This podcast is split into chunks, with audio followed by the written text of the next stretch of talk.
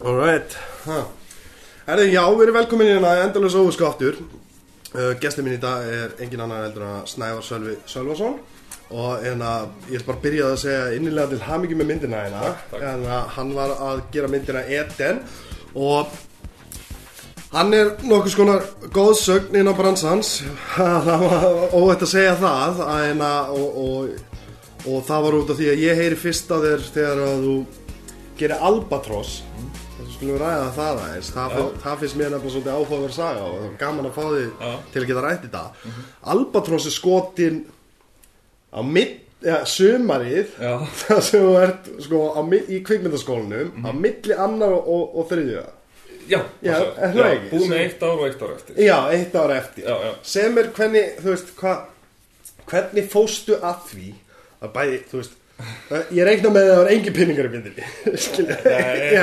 Engin pinningar ég því mér ekki búin að fá tækja að sjá hana. Guðgeir, en að vinnu okkar því. Hann ætlar, hann að senda mér hana Já. og hérna, mér hlakkar ógeðslega til að horfa á hana út af því að ég get alveg þótt ég hef ekki séð hana, þá get ég ímynda mér sko bara stökkið frá fyrstu myndinni í annar mynd, aðra mynd, mér langar að sjá það sko, út af því að Eden var bæða við bara frábær.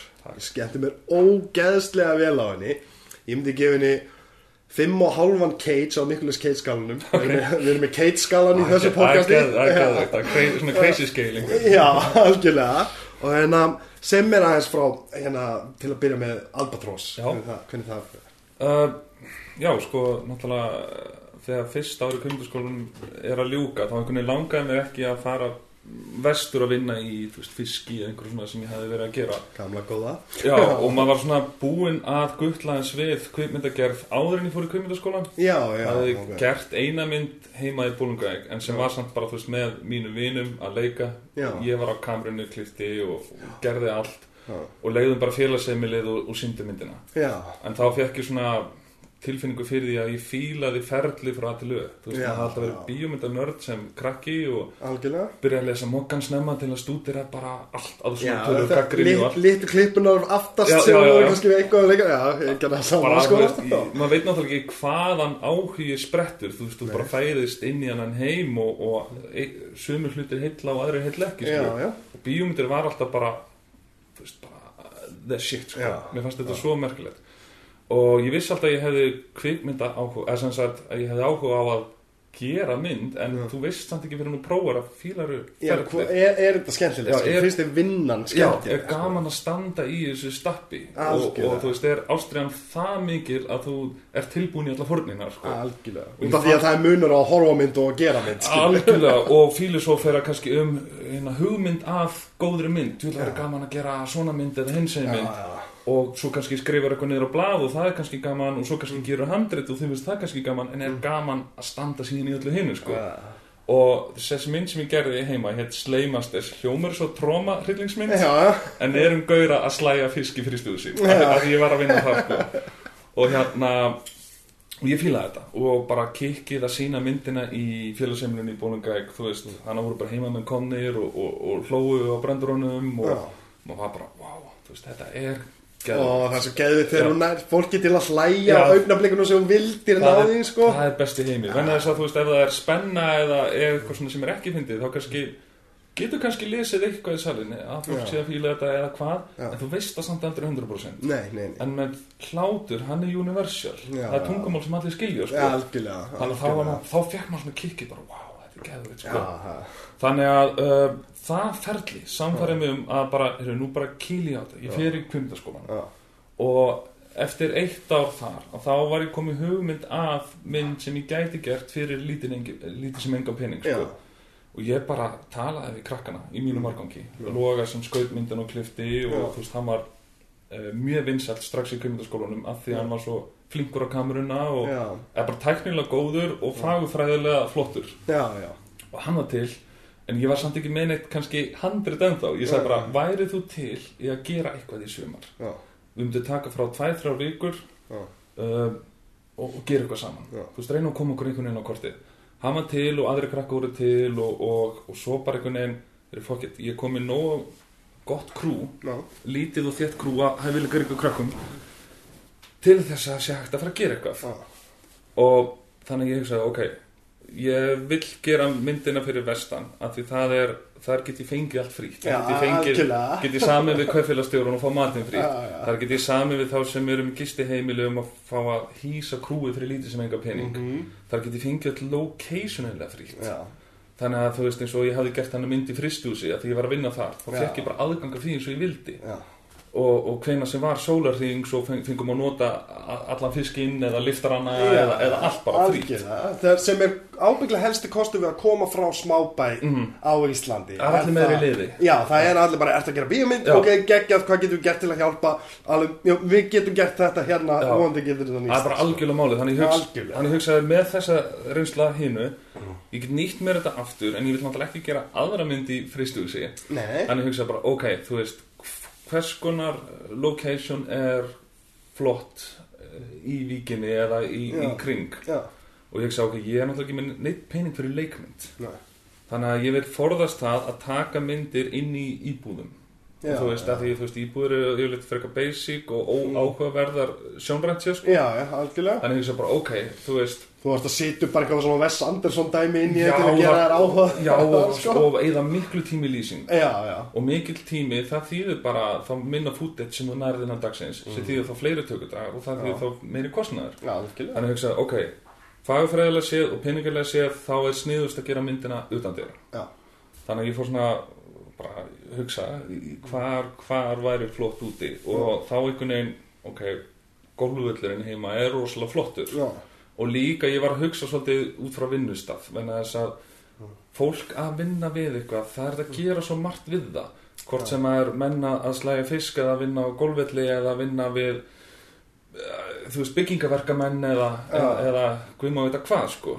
Uh, starfstittin er svo oftast hefur verið teknum náttúrulega löffræði, læknar og já, en, en þú þarf budget til að fjalla um þessa starfstittir sko. Algjörlega, algjörlega. Og hérna þannig ég bara, heyrðu, ok, golfvöllurinn er frekar næs og að vinna á golfvölli er svolítið svona alþýðu verkamanna vinna þú Já. veist. þannig ertu með bara fólk ekkert á miklu launum og oft er þetta ungt fólk Já. á mínum aldri Já, og þá allt innu kom í huga mér allar þessar sögur sem vini mínu hafa sagt mér sem hafa starfað á golfvöllinum já, og þá var bara svona, heyrðu, goddamn, þetta er eitthvað mynd um einhvern eða einhverja sem starfa á golfvelli og þá hringdi ég alla vini mínu og fekk fleiri sögur og, og það þeir sögðu mig frá svo miklu. Já. Þú veist um, að díla við fugglan, fugglana, kringuna sem Já, er alltaf að, já. verpa á svæðinu. Og, og, og baráttuna við þá þú veist, fólki sem hérna vildi ekki leifa þeim að þú veist, hrópla við varplandinu. Já, þannig að starfsmenn voru stundum í einhverjum átökum við hérna við hérna, hérna náttúru hérna deildina sko. Já. Og síðan náttúrulega er oft svona mót og mikið húlum hægi kringu það Já. og alltaf þegar er eitthvað svona að gerast á einhverju vinnustað eða einhver staðar að þá, þá er strax komið eitthvað svona stakes og stakes er náttúrulega alltaf mjög gott í, sög, í sögum Já. við verðum að ná þessu því þá fáum við þetta skilurðu. algjörlega, og algjörlega þá þarf maður átt að sjá því af hverju er þetta sem við náum mikilvægt fyrir okkur og þá þarf þetta að fara að tekna upp karaktera eða eitthvað slíkt sko. Þannig að þá var bara ok myndi gerist þar. Og, og, og þá bara settist ég niður með vinnum mínum sem hefðu unnið hana já, og fekk endalust á sögum.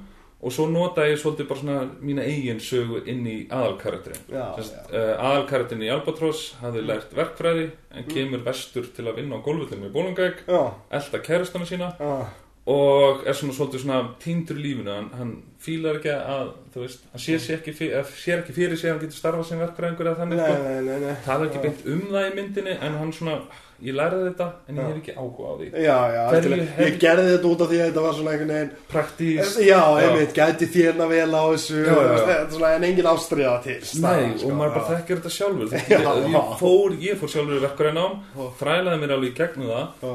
en svo því ég fór að vinna í fjármálarkerfinu til dæmis, og þá var einhvern veginn það er ekki ég, ég get alveg unnið þetta ég get alveg fengið minn launaseðl mánaðlega Já.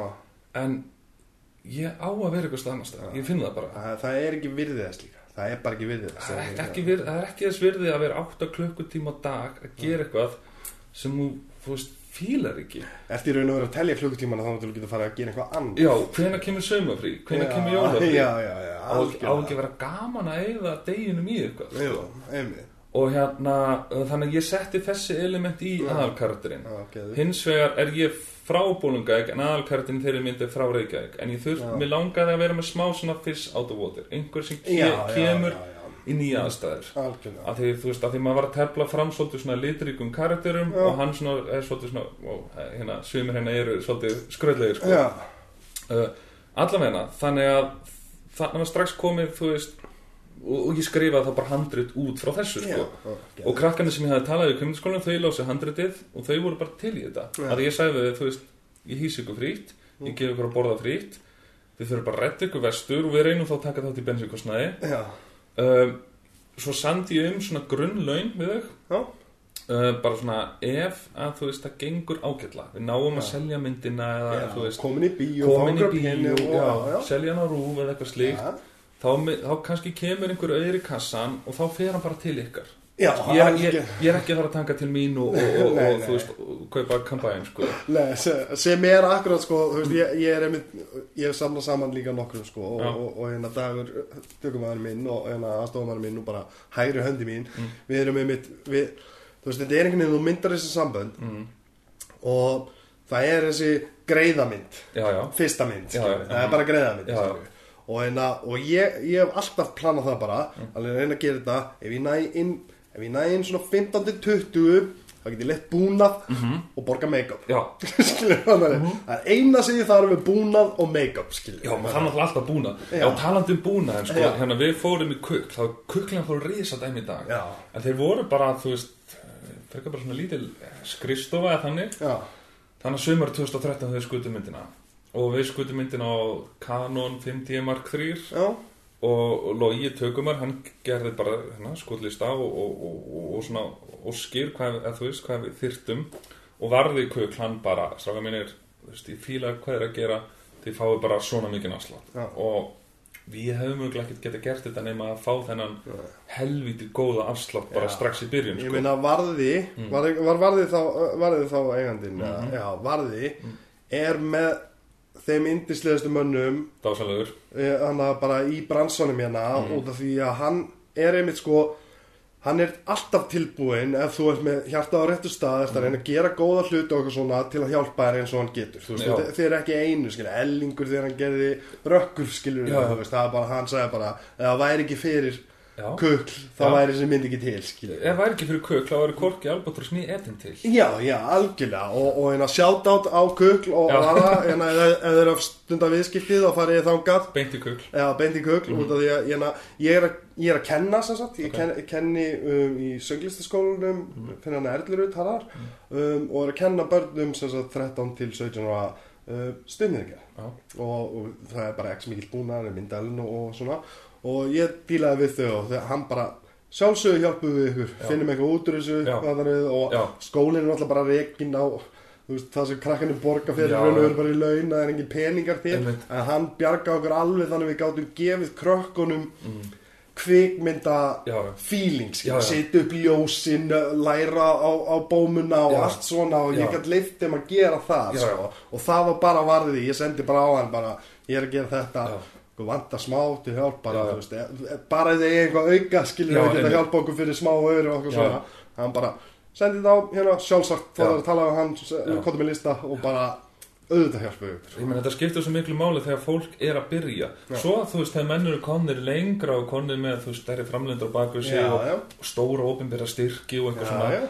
Þá þú veist bara eðlilegt að sé bara fullt listaverð á tækjunum svo leiði Já, já, og, og líka þá er líka málið að manni finnst sjálfsagt að fara til varða í Já. kukl út Já. að hann er svo einmitt. Það er bara, ég myndi ekki fara neitt annað Nei, skilur. hann tryggir bara sem viðskipti svona skilur Algjörlega og, og, hérna, og, og þess vegna sko, þess vegna erum við að segja hér og nú, endilega ef þeir eru kveikmynd að gera fólk, stundu viðskipti við kukl Já. við bara gætum ekki verið annað með það og, hérna, og þú gerir alveg segð okkur, þú, þú gerir. Hvernig gengur tökur fyrir Já, það sem bara fórum við tökur. Og við erum ógeðslega hefnið með veður. Þetta Já. var bara eitt af þessum sumrum það sem þú veist var bara æla sól allan tíman, Ah, eitthvað sem já. við fengum ekki fyrra. Nei, nei, nei. Og hérna, en það váka það hjálpaði okkur. Því að Já. þú veist, myndin gerist öll úti og hefði verið rigningar sutti allan já. þá hefði kannski ekki alveg verið þessi sumar og sól fílingur sem hérna var í myndinni Já, karakterinu er að liggja, þú veist, á teppi með sólgleru og, og og fá sér eina J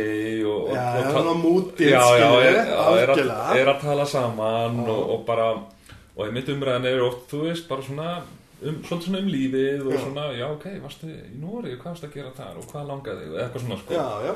Og hérna, tökuna bara gengur vel náttúrulega þvíli kersla af því þannig var bara, þú veist, krakkanir konir vestur Logi á kamerunni og Erla á hljóðinu og, og, og leikaranni og eitthvað svona og þetta voru 14 tökudagar streitt þú veist, það var bara, það var engin pása. Nei, það var bara keirt á þessa 14 daga. Já. Hvað upp í eh, 12-16 tíma dagar minnstanlega Já, já bara fór, fór svolítið stundum eftir veðri. Stundum bara, þú veist og það komið það lítil byrta að nú bara þurftum við að hætta sko. Já, já en við reyndum bara að keira á fulla daga sko. Já Munar þegar að það er ekki verið að ljósa sett upp okkur svona að það bara Alveg það, sko. þá getur þú leiftir að Já. gera þess, veist, mynd úti á 14. já, já, algjörlega og bara, og við kláruðum þetta síðan tekur bara við svona svolítið svona langu tími þar sem er svona að gróðklippa og reyna að komast í samband við einhverja sem þú veist getur kannski tóa myndin í bíó eða eitthvað Já, sko. já. að því maður náttúrulega þekkti engan þú veist, maður var, þú veist hérna maður bara fóð svolítið Þetta blind bara- í þetta. já, Bara þeir sem voru búin að kenna þér í já, já, Já, það var svolítið djart sko. Auðvitað eru bóðleðinar kannski stuttar á Íslandi Þú veist, eh, ég meina fólk með kveimindafyrirtæki með heimasíðu og það eru e-mail starfsmanna og eitthvað svona. En, en, en samt sem áður Og líka bara, ég meina, séu hvernig við endum hérna saman. Guðger, vinnu minn úr æsku, Já, ekki heyrti honum í langan tíma, Já. hann býður mér á sýninguna Já. og við erum komin í ringa. Þetta er svo lítið leifur. Þetta er beauty, sko. Þetta er indislegt nefnilega. Það er það sem ég elska kvikmyndaðina. Það- Að, að fá þessi tækifæri bara. Alveg, ég geti hann um að koma í ég bara, eftir ekki grínast, Já. Þá var ég búin að vera að býða í mánuð síðan ég sá trailerin af þetta, ok, að ok. býða gæðið spennur, svo bara við, eða 50 deginu fyrir frums, Já. farsýninguna, Já. þá sendi Guðgeir mér og ég bara, er þetta ekki að grínast við þessu fucking luxus Já, maður?" Ísland maður Þetta er Ísland, já En, Þetta er- já, en allavega, síðan erum við að klippa og síðan um, hérna hafði ég fengið nafnspjál til yngveri Þóraðar framlegenda hann var fyrir vestan með öðru manni sem ég eh, þekkti hérna úr æsku, hann var gamli fótballþjóðalari minn þeir voru eitthvað ferðalagi um vesturi saman og þá hafði ég gert þessa hérna, mynd sleimasti sem þjálfur minn Já. vissi af og hann segir, þú veist, heyrðu talaði við þennan, þessi hérna er þú veist, þekktu kvimita framlönd í Íslandi. Og þá kemur ljós, já, hann hafði gert framlönd 101 Reykjavík og, Já, næs og bara ótalmyndir, sko. Hann að strákanir okkar að, að þú veist, Já. hann að mikið með Júlísi Kemp, íslenski draumurinn og allt þetta, sko. Mhm. og maður bara svona, ok, cool, ég minn ég aðspil það og þá, þú veist og það var sömari sem við vorum að skjóta Albatross. Og svo sendi ég þá yngvari gróðkatta Albatross. Þú veist, er þetta eitthvað, getur við gert eitthvað með þetta? Já, og hann bara, heyrðu, mér líst mjög vel á þetta. Ég skal tala við þá í senu og aðtúa hvort að þeir, þú veist, já, hvað þeir segja. Og þeir í se, þeim í senu, þeim leist vel á gróðkattið. Já, bara, heyrðu, ef við, þú veist bara erum góða eftirvinnslu og bara gera þetta rétt, já, þá er þetta klálega etni sem við viljum sína í bíó. Já, hún bara, er, myndin er, okkur finnst þú skemmtileg sko. Og við bara, heyrðu, ok, geðveikt. Og svo reyndum við að sækjum alls konar styrki hjá kveimundasjóði og svona. Eins og gengur og gerist. Já, en, en það var alltaf bara nei, það er bara, gleymið þessu. Já, eitthvað svona og, já. og, og við bara, hvað, þú veist, koma þú veist, við erum ekki að byggja mikið og, og, og og, reyndum og langar bara að klára eftirvinnsluna og að gera þetta við vel, erum sko. frá senu og þeir vilja sína myndina. Já, og ef þeim myndi finnast hún, þú veist, crap þá myndi, þú veist, verði þeir ekkert þegar að vilja þetta og hérna og það er bara, nei, nei, við ætlum ekki að styrkja ykkur. Mm.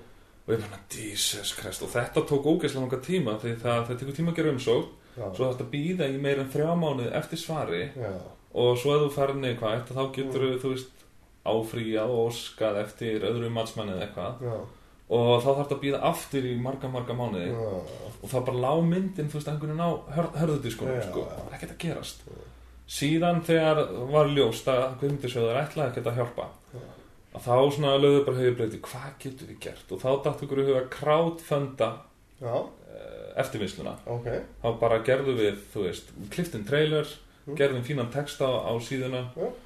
um, og sögðum, þú veist, okkur vantar pening til að gera músík Mm. og hljóð, fyrst og fremst já, og það tókst. Já, við krátföndum Þessi. þrjár miljónir og gaurinn sem gerir músíkina, það var svona svipað eins og með, Svo, það, það var peningurinn sem, uh, cirka sem við vorum að byggja um frá kveimindasjóð nei það var aðeins meira. aðeins meira já, það, já, En, en ég að segja, þið sætti ykkur þetta og náðu að afreika það sem afreika á Já, já. við það. Og þá bara gerðum við bara díl við eins og til dæmis gaurinn sem semur músíkina. Hann er að vestan, Haldur Gunnar Pálsson fjallabróður, hann er manna með fjallabróður kórin þetta minn. Já ok. Ég er frá Flandri, sko Jesus. Er það ætt- ættaður af já, Flandri? já, afi, afi mínum frá Flandari líka. Nú, er það? já, Ok, vá. Þannig að ég þarf að veði ég ringi pappa á eftir þá reykjum við ættina svo. Förum á Íslendingabók og Já, tjekkum á á það eftir Já, svo lítið heimur já, allavega þetta, ég Já. hitti Haldur Gunnar Já, og bara segi við hann, þú veist, þetta er staðan. Við eigum ekki mikið pening en við erum tilbúin við ætlum að reyna að krátfunda Já. krátfunda það sem hérna, þú veist, vantar upp á. Og hann bara, ég strákar mér hefur alltaf langað til að semja kvöndumúsík þú veist, ég er búin að semja poplög og, og, og já kórtónlist, veit ekki hvað í Kórtónlist, já. mörg, mörg ár og nú langar mér að prófa þetta Já. þannig ég skal bara taka þetta að mér fyrir einmitt, lítið nöðra því ég veit ég ekki pening Já. og þannig bara unnum þetta skilur og alveg sem er stráki sem gerir hljóði fyrir okkur það er bara svona ok, ég fíla myndina ég skal Já. gera þetta fyrir miklu minni pening en ég myndi venjulega að gera þetta fyrir og svo bara krátundi setta stað og útskilum þessi guðrar eru í þessu Mm. Þetta verður gert dur, dur, dur, já, og krátundið var í mánuð og við náðum markmiðinu já, síðan bara mánuð síðar frumsýnum við fengum uh, fína viðtökur Já. fengum 5.000 manns í bíó sem var þótti bara mjög gott með það að þú veist Fyrstu mynd já enginn Borgríki er 20 Hversu er 20? Borgríki er 20.000 manns já fekk hún já hún er já, 20.000 já, manns Og hún er briljant, skilur Mhm. veist, það, þú veist Já. Og að, segja það, já, segja það 5.000 manns er rugglat, sko. Það er bara geðvikt, sko. Já, við vorum mjög sáttir því Já. við vorum oft, við svo það ár voru til dæmis uh, með meiri aðsögn en einhverja myndir hana sem hefðu fengið til dæmis fullanstyrkja á já, Uh, auðvitað þarf maður líka náttúrulega að horfa í það að kveimundamistu styrki myndir sem þeir vita kannski að verður ekkert kommersial hit í bíóm Íslandi en, Mm. en þú veist, kannski vinna vel en úti og svona sko. já, já og það er náttúrulega hlutverk kveimundamistu að náttúrulega styrkja alls konar myndir sko. og mhm. mér finnst, mér finnst vera mega vera miklu duglegri að hjálpa þeim sem eru sem minna mega sín já, sem eru, bara, eru ungir og byrja sko. Og reyna að horfa í það veist, er myndina með einhverja spretti þú veist, er einhver, einhver röddana sem hérna Er þetta eitthvað nýtt? Er þetta eitthvað vingil sem við höfum ekki séð? Já, já, já, einmitt. Ég er alls samanlega, sko að hérna náttúrulega gallinana hefur verið að það ertu með fólk á 60 og 70 aldrei að dæma myndina. Já, já, já, einmitt, algjörlega. Og ef þú kemur með zombie mynd Já, bara hvað sko. hvað gerum við þetta? Sem, væ- sem væri samt, sko, spáðir fyrir en er samt kannski með markup skilur við Já, og, og líka zombie heimurinn og horror aðdæðandur Mm. utan í heimi að gera zombie mynd sem myndi gerast á Íslandi þetta er bara strax markasett fyrir alla zombie sér þetta norsku myndina Já, Dead Snow, það er út um uppáðs allt. myndi mín Það er Já. uppáðs myndi mín Já, já. bara Þú veist, það er bara Ég elska konceptið alveg Hvað er meira evil heldur en zombie? Nazi. Skilur maður, þú veist, og bara Bara gerum við það Það var einmitt svona bara einhver svona hugmynd Skilur, Mhm. bara kveimyndaskóla og fólk bara Já. Gerum bara eitthvað Mhm. Evil Dead dæmi með Nazi zombie Skilur Þannig að einmitt, og það vant, mér finnst vant að tegja með sjánramyndir á Íslandi, þú veist, það er aldrei við gera sci-fi mynd á Íslandi. Það var einmitt, sko, þú þekkir Hrafkjell, Og hann gerir Borgríki 1 og 2 mhm, já, Sem eru bestu Ábyggilega með þeim bestu íslensku sjónarmyndum sem hafa verið gerðar. Já, einu að fáðu sjánramyndum, sko. Já, við, þú veist og, og ég var að tala við hann einmitt sko. Ég nefni það tíðan við hann. Ég alveg, akkur ert ekki Þú veist, akkur ert þú ekki duglegur út að Ég hef lesið nokkur handrit eftir hann sem mm Mhm. bara, þú veist, hann hefur sínt mér og okkur svona. Mhm. Og ég alveg, akkur ert ekki duglegur að sækjum í kvífinsjó Hann alveg, æ, ég ætti að vera Það er bara er erfitt að fá Já. peninga fyrir sjónramyndir, Já. skilur við, þú veist, og hann er alveg meðvitað um það, Mhm. samt maður sem hefur gert svona, þú veist, mamma mín og pappi elskar Borgríki, ég elskar Borgríki, þú veist, kona mín er frá Pólandi mm, og Anna, hún elskar Borgríki, Já. það, það, þú veist, það er bara, þetta er ógeðslega góða sjónra, svona Mm. glæpa gangstermyndir, sko. já, og mér finnst bara vanta, þú veist, einmitt, ég elskar sci-fi, Já, auðvitað er sci-fi mjög dýrt, sérstaklega er komin í bara futuristik leikmynd já, eða eitthvað slíkt, en, en það er til náttúrulega alls konar subgenres innan sci-fi post-apocalyptic eða, eða svona sci-fi myndir eins og Primer, þú veist, svona tímaferðalag já. en samt ekki með, þú veist uh, leikmynd sem er fortíð eða framtíð, sko. Og þú veist, svona ertu náttúrulega með game sci-fi og game sci-fi getur skipst í horror eins og Alien Já, eða, já, eitthvað slíkt og, og, svo Adventure sci-fi eins og Avatar, Guardians og Star Wars og svona. Mhm, það er náttúrulega ótrúlega dýrt. Mhm. en, en segjum svo þú myndir sækja um fyrir sci-fi sem er ódýrt sci-fi. Eða sem sagt, uh, ég veit ekki post-apocalyptic upp á hálendi Íslands þá Já. það getur verið svona jörðin eftir Algjörlega. 3000 ár, climate change búið að fokka okkur upp og eitthvað svona sko Algjörlega. Það væri erfitt hér Já. þú veist, það er svo það sem er samt svo skrítið út af því að eins og Star Wars kemur til að taka Já, já. skilur, til að, út af því að við getum í raun og verið farið á grinda ykkur afleggjara Mhm. og miða í burtu frá brautinni Já. og þá ertu bara komið með einhver svona mosa eldtrauna heimskilur sem getur bara verið, er önnu plán Já, já, er já. fólk út í heimi og sko. það er líka eitt sem ég vil einmitt benda á þú veist, eins og einmitt leiðina hann út í keflæk bara ég var að keira hann í gær og bara þetta raun, þú veist, þetta er alveg trillt sko. þetta, er ruggla Já. skilur þetta, Já. þetta kemur ekki fyrir endilega í handriti það er að segja handrit er svo dræ það er náttúrulega bara sagan þú veist, Já, bíl já. kemur keirandi austri Algjörlega. nonni stígur út úr bílum og svo kannski hefst samtala eða eitthvað Já, já. en visionið, þú veist, mútið sem þú sér fyrir þér og eitthvað svona þú getur skrifað um það í greinagerð framleiðanda eða höfundar Já, já, já. um og verið með mútbord eitthvað Já, svona já. fattar og myndir eða eitthvað svona en, en það er samt sko, það er bara ég held að Dagur Kári myndist einhvern tíma ná þetta í blaðavit, nei hérna í útarsveitali Mm.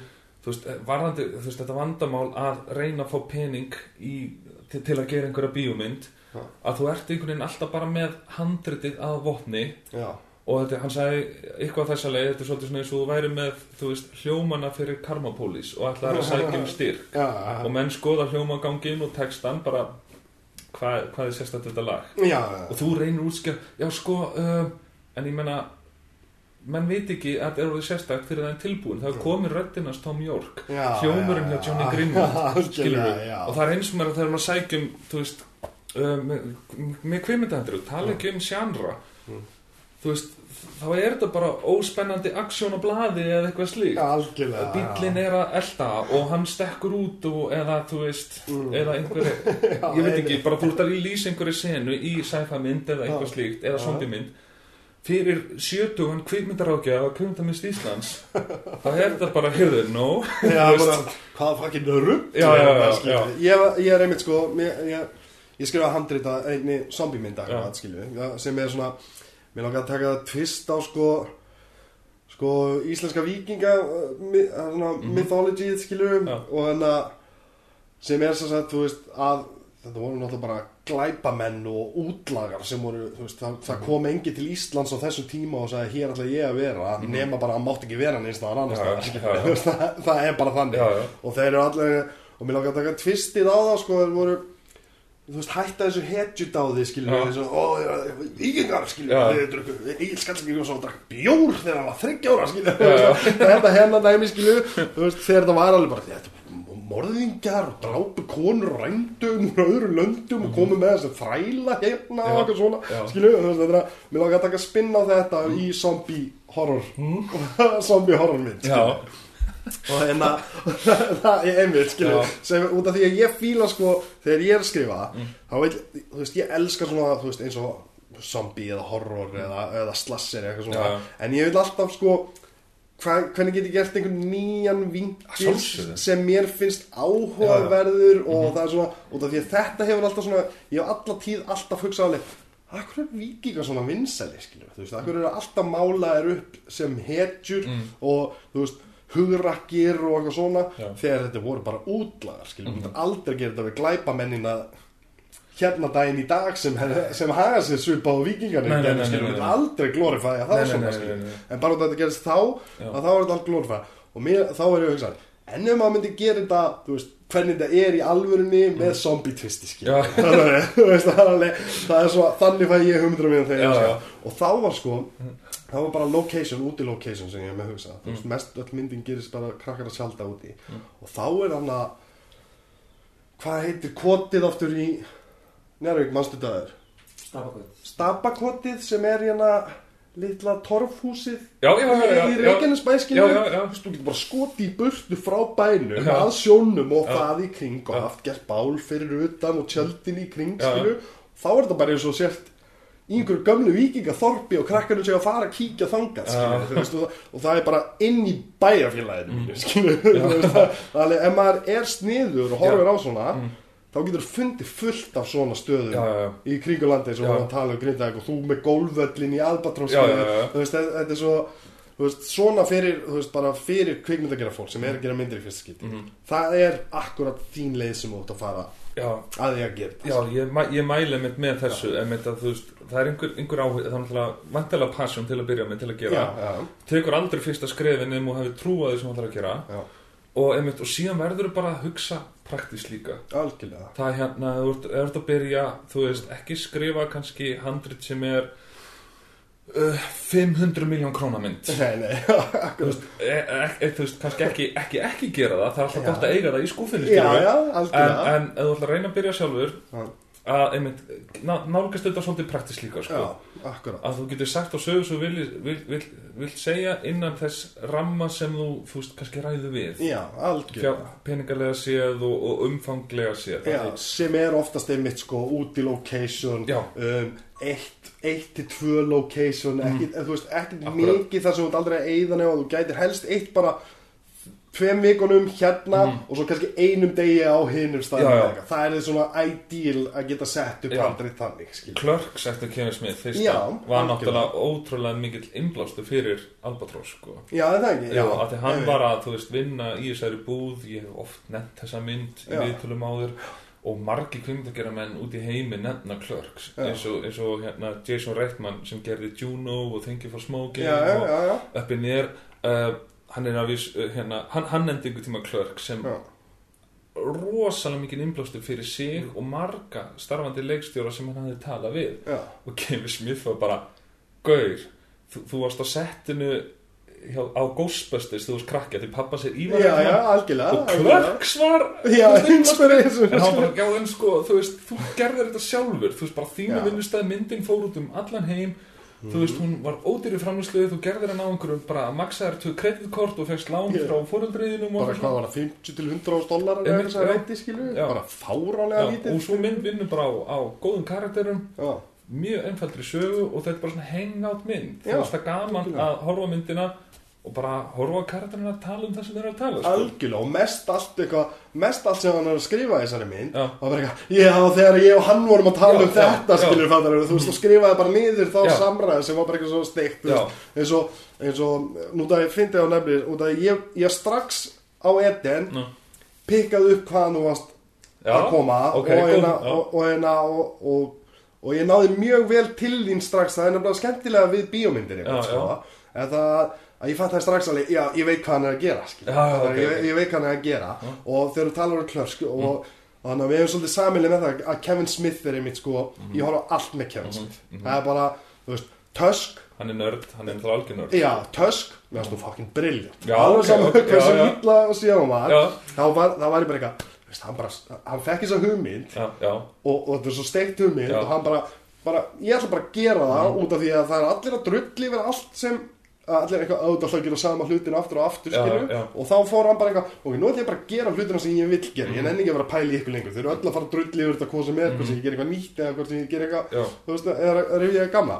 Og hann er með, fan, hann er með fanbase og þú veist Já, eins og mig, skilur, Já, sem horfir alltaf á allt sem hann gerir. Og Tusk kostar enga peninga þetta er rosalega persónleg mynd hjá honum, skilur, þú veist, þetta er svona óttinn Já. podcaster, skilur, þetta er sem fer í heins og til einhvern, skilur, og, og enda með því að hann verið að breyta honum í rostúk, veist, þetta er bara þetta er með ég Já, er heim og, og næst, að, að hann er að gera aðra mynd, hann er náttúrulega að gera Jane Silent reboot myndina núna.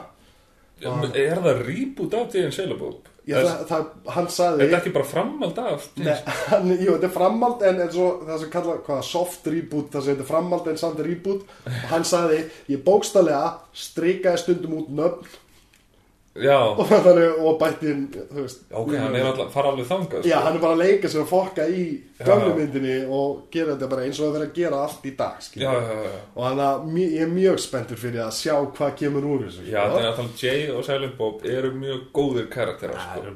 top karakter Já, og ég raun og veru það væri mjög coolið sem ég Jay og Silent Bob að þú veist, mér langar að sjá það mitt í svolítið bara svona fundagslegum aðstæðum sko, að um, ef að mér langar að gera eitthvað aftur svona mér speisa með þá Já, þá ég ætla að sjá það. Já, já. en ég væri svona meira til aftur í svona Back to Jersey. Þú veist Já, að þeir einhvern veginn að reyna algjörlega. að draga fram lífið þú veist, ég veit ekki hvar þeir eru í dag vinninni sko. Kannski að selja grasa en þá eða sko. en ég væri með til að bara sjá það bara svona kannski meira bara svona social realism með þeim, bara eitthvað svona bara- að borga reikninga og veit ekki hvað. Já, komin í vinnu að svona, úf, hvað, er hérna Jay, hvað er að verða um lífu okkar? Eitthvað erum við hamingisemur í dag? Já, Eitthvað en kannski það bara þú veist, ekkert einhver svona mín þemi sem ég spái mikið í sko, því, Já, ég meina Kevin Smith er samt sko hann, þú veist, málið það að, að hérna, allt þetta með, hann vildi gera Mallrats, Mhm. tvö um, stúdíó vildi ekki gera og hann á ekki réttinn já, ok, af já. og hann vildi gera hann vildi gera veitu hvort það var Clerks 3 já, Clerks 3 já, hann talaði mikið um hana Já, sko. og hann var með tilbúð handbyrrit og allt svoleiðis en Mhm. það var sem sagt, einn aðli, þú veist eins og hann sagði, orðaði þetta sjálfur, það voru ekki allir sem skemmti svo jafn mikið við að gera klörks já, eins og við, skilju, Já. og það er bara þannig og það þýðir ekki að neyða fólki að, nei, nei. e- að gera á þá, þannig að það fjall fyrir.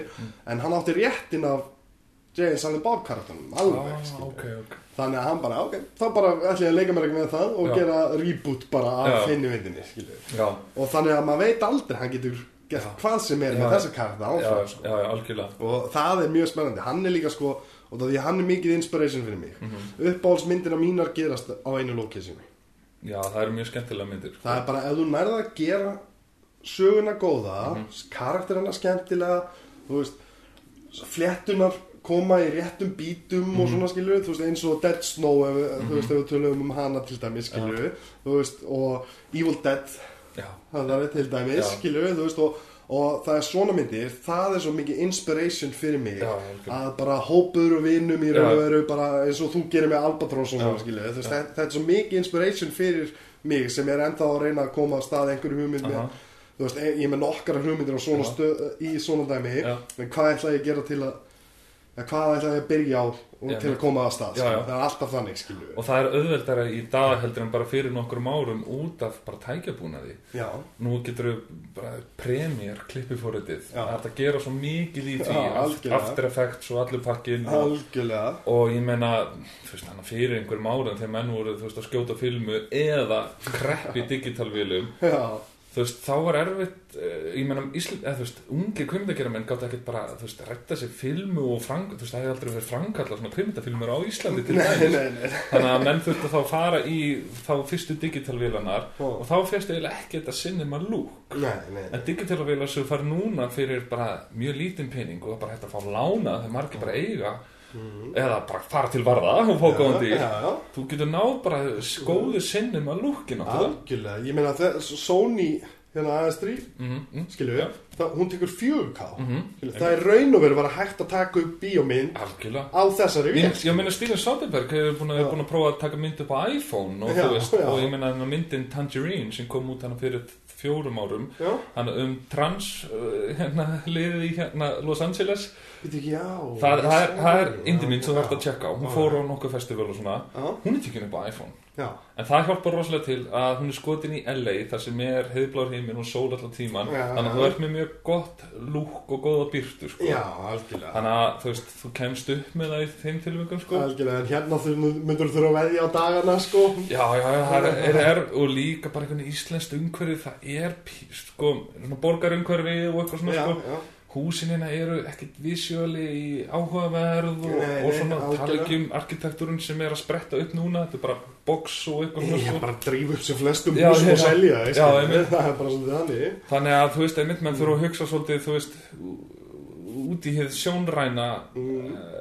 til að ef þeir eigi ekki pening fyrir leikmyndum og svona sko. Algjörlega, Se, sem er sko þegar, mér fannst að, einmitt þegar ég er að skrifa myndina sem ég talaði um aðan þú veist, þegar ég átlænið og allt svona Mm. þá fór ég einmitt bara að hugsa veist, hvað hvað get ég gert, Mhm, fattar veist, ég, ok, ég er úr Reykjanesbæ. Mm. um, ég þekki alla nánast í Reykjanesbæ og svona, ok, það er akkurat sama hugsun og er með hana. Já. og alveg, hvað er flott að nýða og það Reykjanesbær, skilju, fattar ég, er svolítið bara svona það er svona afgangurinn af hernum það er að vera það það búð sem er svona gömlum er ennþá þetta er ennþá svona uh, leifar af hernum hann upp á svæðinu þú veist bara Guðmul Keiluhöll eða eitthvað svona dótir annað Já, það er náttúrulega, þú veist, það, það er búið að breyta, ekki, ég menna, keiluhöldinu alltaf út af því að þeir náttúrulega yfirgáðsvæði bara, Já. yfirgáðsvæði, þannig að, að það var ekkert hiti hann eitt í húsunum þannig að keiluhöllin og allt sem varða þannig að það skemmist allt, Já, já, já. skemmist allt þannig að, en eru skemmtinar ennþá? Nei, húsin er samt ennþá, skiljum, það Já. er svo langbest, það var bara það sem Vendís var og það í það gamla var það, svoleiðis, skiljum, já. þú veist, og lúkar alveg þegar ég sé langbest, sem er rosalega góðu matsölustæðir, þannig að að þá sé ég bara vendis einhvern veginn sé- þú minna að fá frost í eitthvað svona ísinn. Að maður fór bara að pæla manni datt strax þá í hug einhvers konar one location mynd sem gerist á yfirgefnu hernum og svæði algjörlega, en ég meina flugskilin og það og það er, það er fullt af locationum en þá bara ásbrú Já. sem er hægt að finna þetta er eins og sprengjuskilin og, já ok og allt svoleist það er lukkar mjög vel Já, sko. Veistu, það, ég, ég algjörlega, ég er búin að skoða þetta Já. og það sem ég kannski að alveg, já, en náttúrulega bara stafakotið það, mm -hmm. Já. þetta er bara torrbær og það lukkar eins og í gamla dag og svona, Já. getur bara krakkar verið að ferðast þarna og Að það gerist að eitthvað það er náttúrulega klálega eitthvað til að hugsa um ok, ég kem frá þessum stað hvað get ég komið með eitthvað sem er aðeins öðruvísi, lagt, til eitthvað sem er öðruvísi sko. og og þannig getur þú tóga fljótar í einhverja spotta heldur en einhver annar. Já. fyrir utan að þú býrð yfir einhverjum sögum og minningum tengt þessu svæði en einhver utan bæjamaður skilur Já, já, algjörlega Þannig að sko. þú ert svona í góðri stöð kannski til að þú veist að dett í hug einhvers konar sögutráðu sem gerist á þessu svæði. Algjörlega. Og blandað við einhverju sjandra eða eitthvað Já, svona já, já. Svo er einmitt nefnilega sko paranormal eða eitthvað.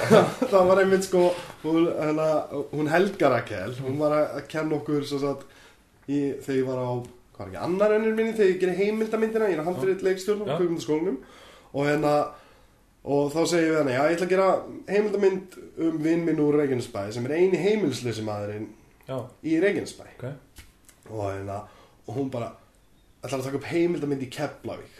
Ói, skilur þannig þú veist, en Já. hins vegar um eina heimilislösa manni það meika það að segja þegar að horfur á heimildamyndina Já. þá erum við að fara og geða svona ógislega ljóta staði í Reykjanesbæ Já, skilur, ok, ok. það- og það bærin er sko veist, hann var tekin í gegn Já. á sínum tíma Mm. en það er ennþá hægt að fara á staði sem er alveg bara svona vá hvað þetta er mikið, þetta er nánast bara braggakverfi Já, já, já. Veist, og, og, hérna, og það er samt sko þú getur fundið fegurðina í því Sjálfsögðu. í kvikmyndagerð Ég, ég menna þegar maður sér þessar myndir frá New York, early 90s myndir frá New York já, öll, öll þessi eh, ghetto og eitthvað svona þú veist, þeir eru eitthvað, eitthvað í Brooklyn eða hvað þetta Já. heitir allt graffiti á veggjunum og eitthvað svona mér finnst það fallegt á sinn hátt já, sko. algjörlega maður finnur fegurðina í þessu skilur út að þetta gerir vist mút og alls konar Já. svona að fattar fyrir mann og, og, og selur mann í söguna líka það er nefnilega partur af því já, sko. já. Hvað ert að, hvernig sögu ert að reyna að segja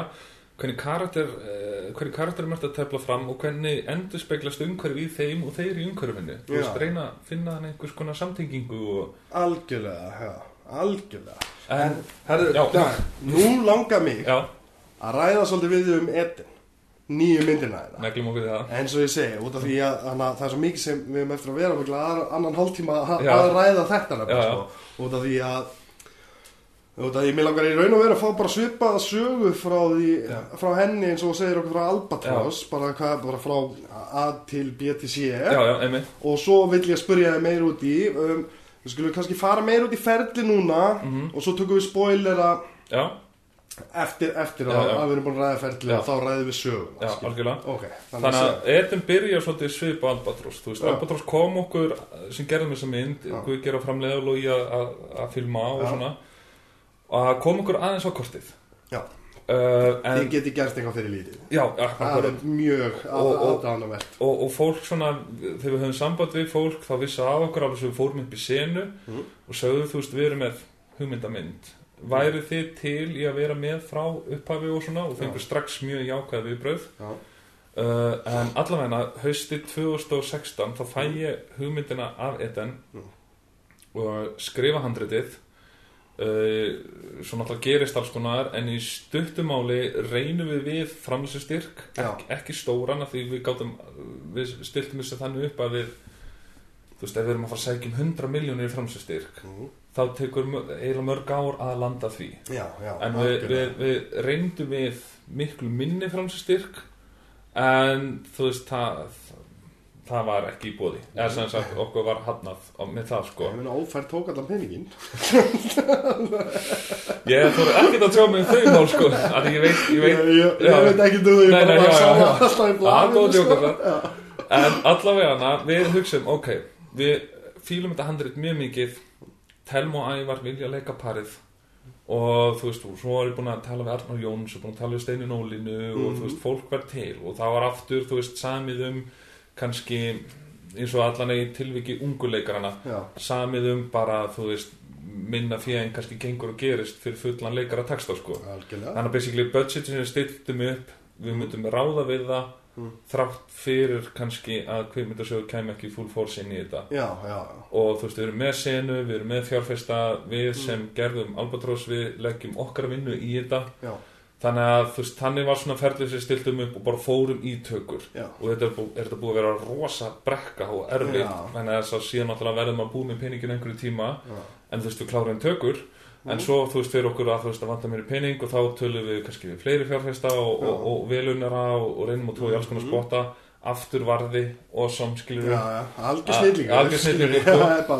Og- og þannig var svolítið bara svona ferlið með Eden sko, þannig að við klárum hann á hnefanum án þess að fá opinberan styrk. Já, um, en varðandi eins og til dæmis handritið, já, þá fæ ég í raun og veru nú, nú ætla ég að tala um sjandra ég Já. elska sjanrað Lovers on the Run. Já. Bonnie og Clyde, Badlands eftir Malik True Romance Já. eftir Tony Scott skrifa Tarantino Uppáhaldsmyndi mín? True Romance, True Romance. Geð- Akkur heldur að ég strax Já, já. að það er Ge geðveik mynd Já. uh, Breathless, hérna franska nýbylgjumyndin Já, fjallar Mhm. líka um par hann, hann svona krimmi og hún svona einhvern veginn slæðis með algjörlega, algjörlega uh, og Telma og Louis raun og veru Já. svolítið lofa svona rann þó sér vinkonur. Já, já, þá einhvern veginn tikkar myndin í svipu box. Algjörlega, sko. Og ég bara, ég elska þessa myndir Já, Þa, þetta er sko. einhvern veginn svona myndir oft er þetta svona ungdómsmyndir. Parið er oft ungt. Já, á svona cirka okkar aldri. Mm.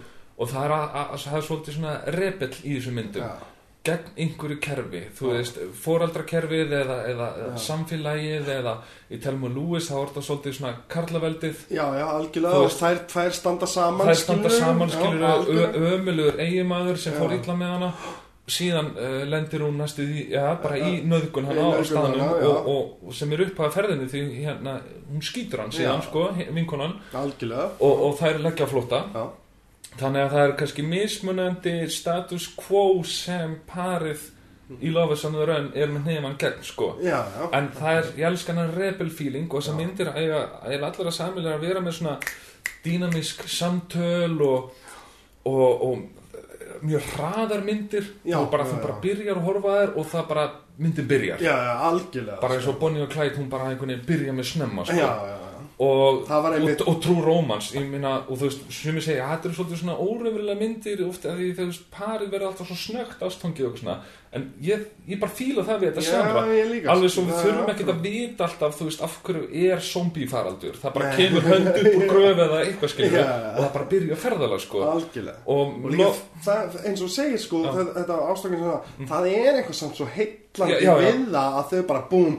tengjast og það er bara, bara þau einmitt. það, það er bara heitlandi það það er svo ógeðslega gaman að að bara það hefst ferðalæginu og snemma. Já, og sem sagt, ég fæ sem sagt hugmyndina af pari í Reykjavík og sá strax að þetta gæti orðið Lovers on the Run sko. uh, þá sem sagt var ég að út af öðru verkefni var ég aðeins að grúska í biblíunu var að lesa hann um mat og mefu Já, og svona skoða svona málverka þeim og það eru hérna nokkuð málverka þeim sem eru mjög svipuð það er að segja að þau eru að hröklast út úr etan já, og það er engill með sverð að benda útgöngulið dröllið ykkur já. eigið ekki að vera að neyta þessar ávegsta sem hérna eru til hérna. Einmitt. og það er engin ástæða fyrir því, þið er bara að gera þið er bara með því. Og þá sá maður strax einhvern veginn mynd um par sem lifir á jæðrinum það, það er svona brautlaugin en þau eru samt ekkert vond alveg svo Já. þau, þú veist, þau eru engin gerðu ekkert þannig sem af sér. Nei, Þau bara, þetta er ekki vond fólk, það finnur alveg þetta er gott Já, fólk já. í beinið já, já, já, Adam Eva bara já, og nú, að því þau brautirreglunar út með ykkur. Og þannig að uh, þannig að Eden er svolítið, þú veist uh, Já, Reykj, Reykjavík og, og svona sko. Algjörlega. þannig að hann hefur hugsað, ok, þú veist, þetta, þetta er strax orðið byrjun og þú veist og, og uh, mér langaði síðan til að snúa síðan upp á venninar í on the Run. Mm. þar að segja eins og í Lovers on the Run eru oft svona miklar víðáttur, Já, þú veist eins og í Telma og Lewis eða Badlands eða eitthvað Já. slikt og bara svona sól og sömar svona amerískur highway og já, eitthvað svona. já. Og svona, ok, langar að snúa þess aðeins á kvolf og setja einmitt inn í Eden, Reykjavík Já, þú veist, er á jæðrinum í Reykjavík Já, en þú veist, er að flækjast á milli staða innan Reykjavíkur Já. þannig að það er on the run, þú veist, ferðalag þar á milli sko, Mhm. ekki það þau eru allan tíman, þú veist, að líta um öxl en það er að þau eru að lenda í einhverju og svona á Svo fara flótta í gegnum Já, myndinni, svo fara sko. það hingað Já, og já. er þar og svo já, Já. algjörlega, algjörlega, mest að sig- rækta sig hinn á þennan staðin sko. Já, síðan, þú veist, í þessum myndum er yfirleitt gaurinn smákrimi Já. það er þannig breathless það er þannig, þú veist uh, ég með natural, ok, natural born killers það er, ok, það er Woody Harrelson svolítið crazy í já, myndinni, sko algjörlega en í, bad, já, í Badlands er, þú veist Kate, hann, hérna, karakterinn hans, hans, hérna, hérna Michael Sheen, hann, Já. hann er, þú veist hann er svolítið óþekkur, en, Já. en stelpan kannski ekki eins Nei, nei, nei og þá er dölið þannig og í búinu klætt og þá stekkur stelpan yfirleitt á vagnin heillast á görnum, Já, það er eitthvað spennandi og svo hefst ferðalagi Já, og svo þegar líður á að þá verður stelpan líka kannski smá svona gangsta. Já, já, já. Uh, mér langar að prófa að snúa þessu við að stelpan er bara meira svona leiðandi afl í upphafi. Já, uh, grjóthörð, rífukjaft og þú veist, Já, er já. þannig að maður gaurin er meira svona tilbaka. Já ok, þá er ég búin að snúa því við og búin að snúa hennar ekki, þú veist, highways og, og inn í Reykjavík. Algjörlega. Og, og bara vann með svona smátt og smátt í gegnum þetta sko. þannig að þú veist eins og við vorum að tala um áðan að taka sjánra en gera það Uh, aðeins öðruvísi. Finna sinn ving Já, já. Algjörlega. Og hérna já og, og þú veist það var svona sem gerði maður svo spenntan fyrir þessu og, og hérna og til dæmis myndi gerist svona yfir hátíðanar í, í, í, yfir allan desember og, og tákmyndi þar er svolítið þú veist yfir hátíðanar eru allir heima Já. saman í Mhm. hlýjunni en þau svolítið svona heimilislaus á vergangi Já, þannig að já. strax komið svona anstæða þar sko Já, og, og, og, en þau hafa þau, eru þessi drauma, þeim langar eitthvað í lífinu já og málið þau eru sem sagt að selja gras og móli og, og Já, þú veist já. reyna að færa björg í bú með því að bara dealing on the streets Já, já en hérna það er ekkert endilega það sem þau vilja vilja. Nei, nei. Þú veist þau og hérna og veist það væri hægt að taka þessa sögu og láta þau kannski vera að selja tryggingar Já, en, já en, en, en svona sagan sé svo svi- svipuð Já. eða þú veist inn í banka eða eitthvað. Þú ert að gera eitthvað sem þú vilt ekki af því þið langar eitthvað annað. En það að þú ert að gera það sem þú ert að gera eins og þau, þú veist, selja gutinni það kemur þeim sína bara í, þú veist, klandur. Já, já, og það er svona, þú veist, mikið á flótta já. þannig að þá náði að koma svona mínum hugðaröfnum svolítið að. Og ég veit ekki okkur ég er svo rosalega mm, upptekinn af því að hver og einn þetta er svona mann er langar svo hver og einn finni sitt þeng í lífinu sko. Já, já. ég, þú veist, Albatross var svolítið líka mikið um þetta. Að vera svona týndur svona, hvað, hvað er ég að gera við lífið mitt sko? Kannski að því maður hefur svolítið verið þar sjálfur sko. Já, algjörlega. kannski verður þetta gegnum gangandi hjá mér alla æfi ef ég gerir bí, fleiri bíómyndir Já, já, já, En, þú veist- einskilði. who knows, ég meina Það er svo gaman að sjá ljósi kvikna og verða, þú veist, Já. að fólk vaknar mm til lífsins. Ég er alveg sammálaðið það. Það er ógeðslega áhuga. maður elskar að sjá það hjá vinnum sínum hjá, eða Já. hjá þeim sem maður þekkir ekki Algjörlega. að einhver bara svona, já, já, hvað bara kýla á þetta og ég finn ekki eftir því Já, ég, einmitt, sko, ég nefnilega, ég, ég tilheyri, sko, tólspóra samtökum og en að ég hef verið frá, einmitt, uh, þú veist, ég tengdi við það sem mér varst ógislega gott líka þér í þessari mynd að það var rosalega mikill realismi varðandi þessa hluti Já, ok það þar auðvitað, þú veist, ég, ég var alveg svona wow, það er Já. mjög, mjög akkurat en og, og rétt með farið Já, ok. skilurðu. og, og það á það til að trubla mig oft í bíómyndum hvað er illa með farið þú veist, þegar þú ert að reyna að gera realisma Já, já, skilur, já. þú veist, en það var náttúrulega eins og segir sjónra mynd en Já. það er samt realisma Já, já, já, já, sko, já, já. Að, að svo er það vittlust gert Já, já. Og það er fólki, þú veist, hefur ekki bara lagt í það að, að skoða eða kynna sér þetta Já. smá Já, já, og, og, og með myndina þína sko Mm. að bara til að ég klára það að ég segi hitt að, að það, ég spá alltaf í svona myndum út að ég, ég viðkynna það, ég var pínu smeykur fyrst þegar ég sá skambissu í, já, einmitt. í trailerinu. Ég, ég vissi það myndi stuða fólk, sko. Það er nefnilega út að þetta er Ísland. Skambissu trailer Mhm. og þá er maður alveg já, þú veist, maður hugsa annarkort gengur þetta briljant já, eða Eða kjánalegt. eða kjánalegt skilju, og, og til hamingju. Ok. Út af því að ég var bara séð mitt bara fyrsta sem ég segi Já. dag, dag þegar við löpum út og Já. svona ég bara, þetta með skambisunar ógeðslega fucking vel gert.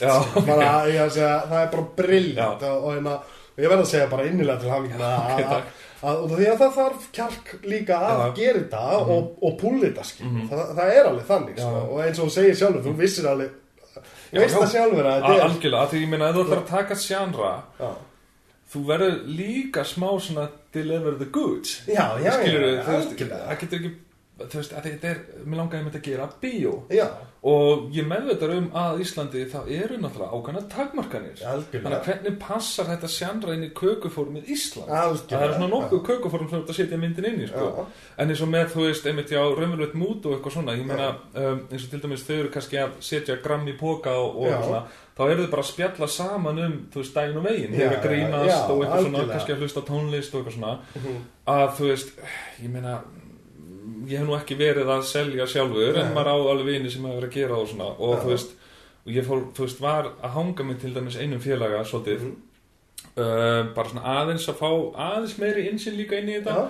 Og þú veist, það menn eru bara léttir á því, það er ekki, þú veist. Nei, ég veit að þú veist, það er bara að vera stanslist vera að líta út um gluggan skilur já. um hana Nei, nei, Nei, nei, sko. menn eru bara að pikka upp sendingar og þú Já. veist, og svo þú veist, þeir farið bara og fá sér borgara eitthvað staðar og, og tala um, þú veist, einhver- einhverja sjónsætti sem þeir eru að horfa á. Já, algjörlega. Og svo þeir farið heim og þú veist, það verið setja í póka og líma fyrir og eitthvað svona. Já, og bara þetta, um, hvað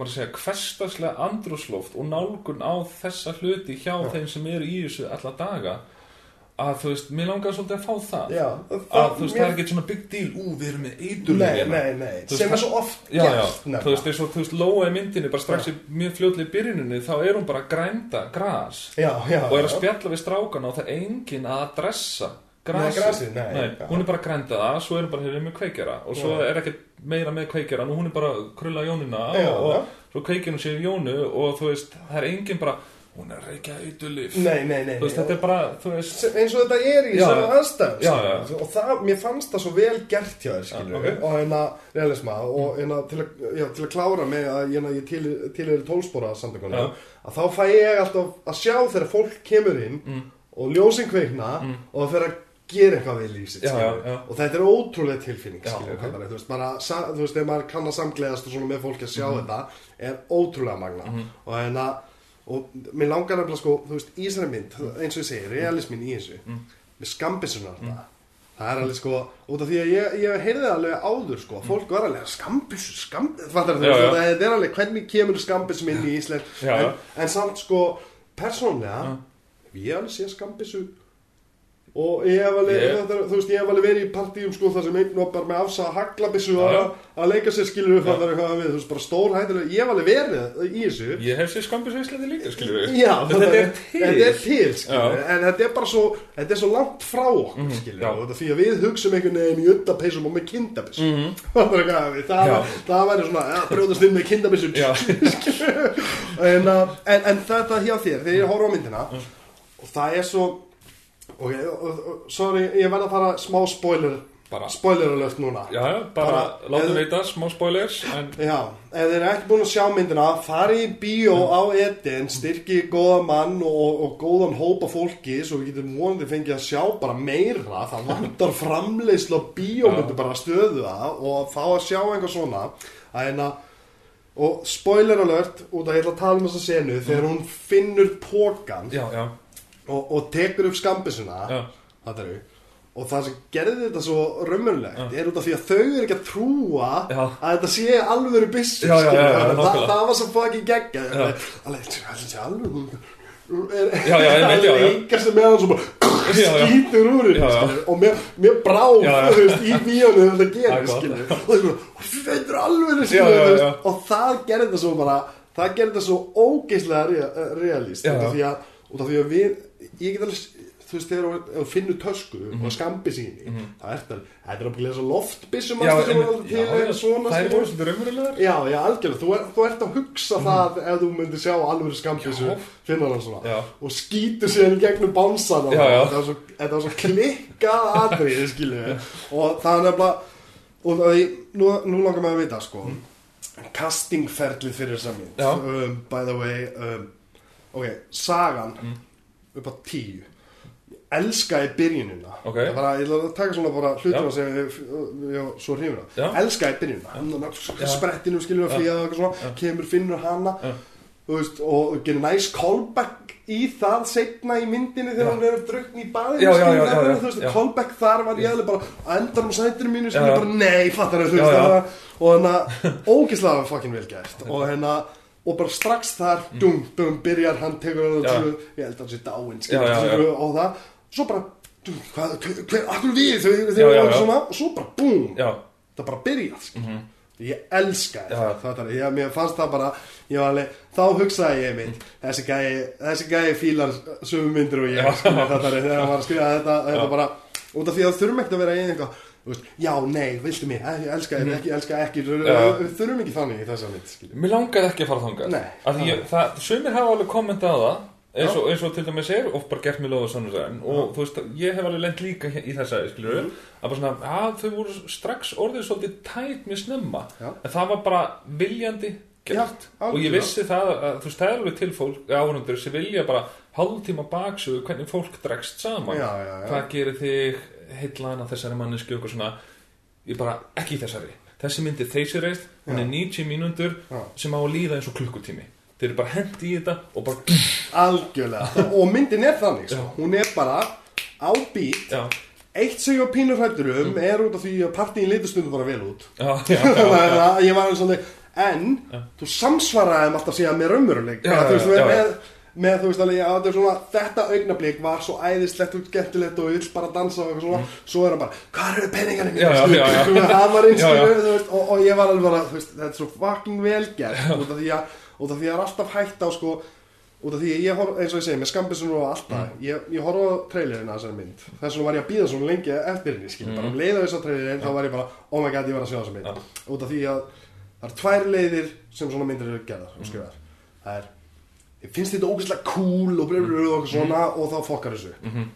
eða þið finnst þetta áhugavert og elskar þetta með ástriðu Já. það er langar að gera góða sögu en þetta er partur af sögunni já, skilur. já, það, ég fór þangað Já, það, og það er alveg sko og, og, veist, og það sést alveg ógeðslega vel í myndinni Ok, þú veist, og, hérna, og ég gæti ekki í raun og veru hælt henni meira á því bara hvað út af því að hún komur svo líka ógeðslega óvart. Já, ok, Þú veist, alveg, út af því að maður, ég er á báðum áttum. Ég Já. skampi sinni og allt Já. það skilu þannig að ég er alveg bara ok, hva, hva, hvor, hvort er þetta þekki þig ekki, þekki. Guð gera svona skilu, og býðu mér þannig að ég veit ekki hvort þú skrifaði þetta á já, já, já, er á kúlháttin eða hvort þú skrifaði þetta út, þetta er áhugavert Aha. og, og þetta er partur af sögun Aha. og svo fer ég og fæ þetta og þá, þá verð ég svo spenntur og þess vegna var ég líka sko það er svona, við tókum upp þátt í gæri en þessi þáttu kemur fyrst út út af því að ég vill í raun og veru að reyna að ná til sem flesta Já. og með myndin er sérstaklega núna er heit og, og, og hérna út af því að mér langar ógeðslega þessi mynd gangi vel ok, skilurðu. cool og hérna ég ég, ég fekk jável aftur það- að er góð. Já. það ég heyrði að fólk í gær sem var að fara aftur já, já, og, og það var, fannst hún betri í seinnaskiptin Betri í já. þá var það meira svona búið að taka inn rætið og var svona að pæla í svona Í sy- hinn- symbólík já, Já, og allt svona sem þú varst að gera með því. Og ég fílaði það að hana Oliver skotin í Oliver. Það var geðvikt það er svona fyrir okkar kynslu að kinka kolli til okkar badnæsku sko. algjörlega og, það er svona hluti sem þú gerðir Mm. sem samfæri mig að þú ert rosalega hæfileikur í því sem þú ert að gera. Og þú hugsar vel út í efnið sem þú ert þið þykir væntum efnið mm -hmm. skilur var- eins og ég segi út af, út af að ég var hættur um Ali er hann gera þetta út af að þetta er cool skilur. Aha. nei, hann er gera þetta út af að hann elskar þetta og finnst þetta áhugavert skilur, sem þetta er skilur. þú veist af að þú getur fengið svona mynd sem er ógæslega spennandi eða þú getur fengið Baldin setna myndina sem bara, þú veist allir eru bara grátandi skilur mm -hmm. þú veist, í gegnum myndina og svona en það vantar þetta í íslenska sem já. skilur, veist, þetta er eins og þegar þú horfir á True Romance, True Romance er svona, veist, hún er bara akkurát þannig, þetta er áhugavert en samt er þetta líka cool. Mm, það hvað við, en það er það sem er áhugavert þetta er ekki, veist cool út af því að þetta er aha.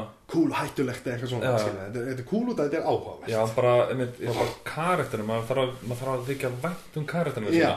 Þú veist bara ekki, þeir eru ekki bara einhvers konar instrument til að koma öll áfram. Þú veist bara svona, mér finnst hún skemmtileg og mér finnst hann skemmtilegur. og þau voru Já. það skilur og ég það einmitt já og- Já, casting, já, já, casting, já, já, já, já. please, segð mér frá castingferðlinu hvernig þú finnur Sko, ég get bara sagt það strax með þau tvö. já, Ég var ekki byrjaður á handritinu sjálfu, ég var komið með hugmyndinu og smá umgjörð já, þegar ég hef bara samband strax við þau tvö. já Ég hafði séð hana í stuppmyndum gerða af miðmyndum í kvimdaskólanum já, ég nefnilega líka, ég og hann líka. sá hana í það er æðisleg. Já, sá hana í tvei, tveimur þreimur og ég bara, hvaða stelpa er þetta? já, að þú veist, svona uh, röddin einhvern veginn cool sko en svo erum við alveg risa augu mhm. og hérna sem er mjög gott í close-up. Algjörlega, já, algjörlega.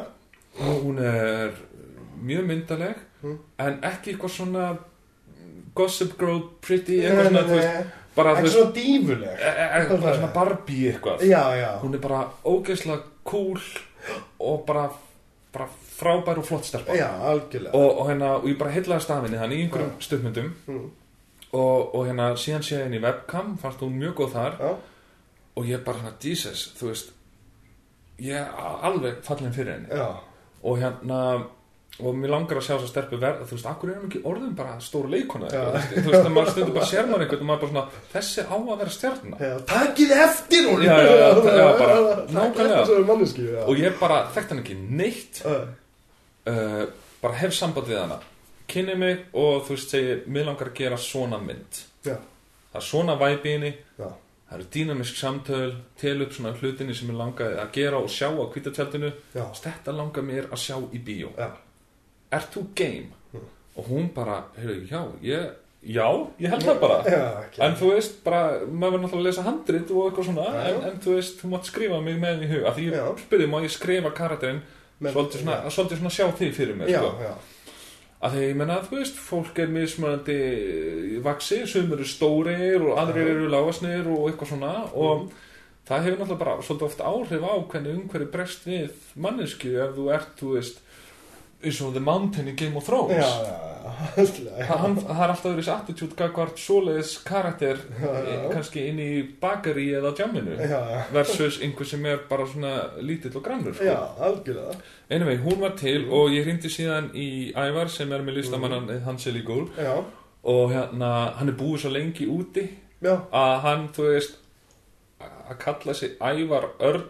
Já íslenskir stafir og Já. framburður og allt hann bara, já, nefndi ekki að díla við æ, nei, nei, nei hann, hann bara, já, var Hansel í gól mjög snemma, sko. Ég er alltaf Þór þegar ég fer. Já, já, skilur einmitt. það er bara að þú heitir eh, Þór eh, eitthvað svo bara Þór úti sko. Snævar rétt sleppur þú veist, þú veist það fólk getur þú nokkuð einn borðið að fram sko. að því ég bjóði Svíþjóð í vetur og svona sko. já, já, en hérna, anyway, þau voru bara til strax og að því ég sá hann ógeðslega stert fyrir mér svo líka. Já, að því máli er að talandi um að snúa svona hlutum á kvolf þú veist, hún er snóðklift í myndinni já, og svolítið svona, svolítið svona hörði útliti sko.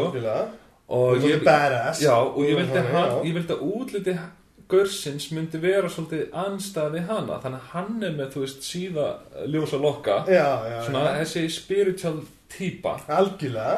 Og hérna og það voru ekkert það er ekkert margir leikarar á þ- fyrir utan að það er ekki margir leikarar á þessum aldri sem hefur einhvern veginn uh, option á, þú veist, á að Á velja. að velja, nei, nei en, en, nei. en færði þá kannski náttúrulega mitt með, þú veist, sítt hár og bara Já, að, að ég sá ákveð útlitt fyrir mig Algjörlega, og ég hafði unnið með honum náttúrulega í Albatross hann leika alveg ekki þar. Algjörlega. Og hann er rosalega góður í díalógum mitt. Nú. þú veist, hann er bara, hann les línunar og bara svona, heyrðu, uh, maður segja þetta hérna og þá getur hún komið svona kombat og þá getur ég komið þetta kombat innihaldið helst, Já, en það verður meira flow í já.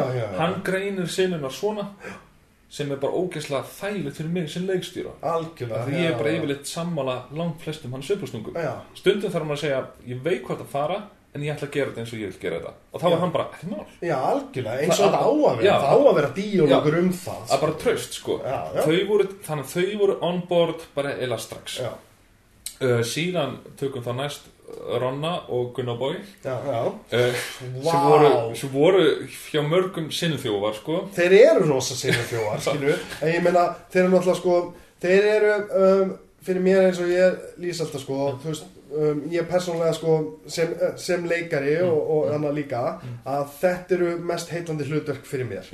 Skilju, ég er, ég er sá sem er alveg Ég segi í heim þar sem allir vilja vera Antonio Banderas verður Steve Buscemi. Mm. skilur við Já. og þeir fucking brillir þeir eru ógislega þessu, sko. þeir eru svona, sko, það sem ég gerði með þessa karaktera uh, þeir eru svona, og sem oft í handritafræðum eru kallað svona the tricksters. Já, já, já, þetta er James Alibab þetta er já. uh, R2D2C3PO já, já, já, já. Merry og Pippin, Tímon og Pumba. Já, kolla kolli. Og hérna, mér langaði í tvo svoleiðis já, og þú veist að því það er náttúrulega parið lendir í ýmsum hættum í myndinni Já. og þá fyrir myndin, þú veist, svolítið bara svona í spennu og hættu Já. og það er gott að hafa þú veist, einhver svona mótvæðisafl sem svona liftir upp andanum. Já, þeir eru eh, skemmtilegir og svona, þú veist, eh, já þannig sá ég karakterina fyrir mér sko.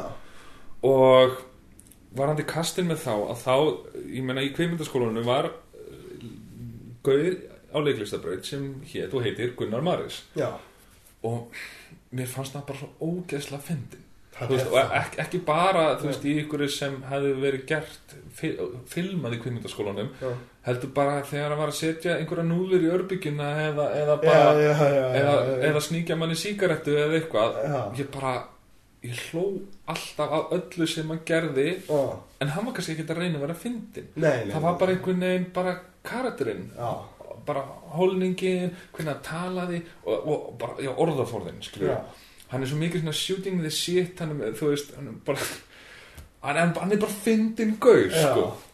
og ég hugsaði bara, hann er perfekt í þetta veist, og ég kastaði alveg í va- ég var með audition fyrir þessa karaktera. Já, en hann var bara bestur. Já, já. Hann var bara, þú veist, með gruna hann er þið bestur. Mhm. og þú veist, ég meina framleiðendur vilja oft kannski að því, að því Telma og Hansel eru Mm.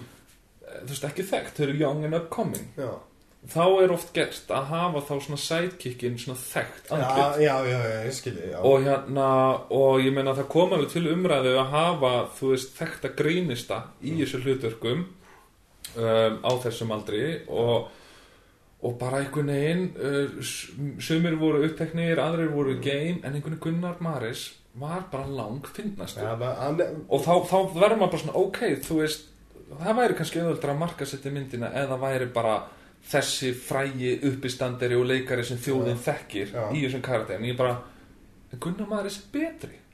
Hann er bara fyndnari og þá verð ég bara þú veist, ég ætla þá verð ég hann. Þú er að treysta sjálfa Já, já, hvað einmitt. þú veist, og, ég meina ég skil samt hvað þú því ég hugsa eftir 5 ár, 10 ár eitthvað svoleiðis þá er það loka niðurst að sem stendur. Fólk Mhm. veit ekkert eftir 10 ár hvað grætti myndi mikið pening í bíó. Nei.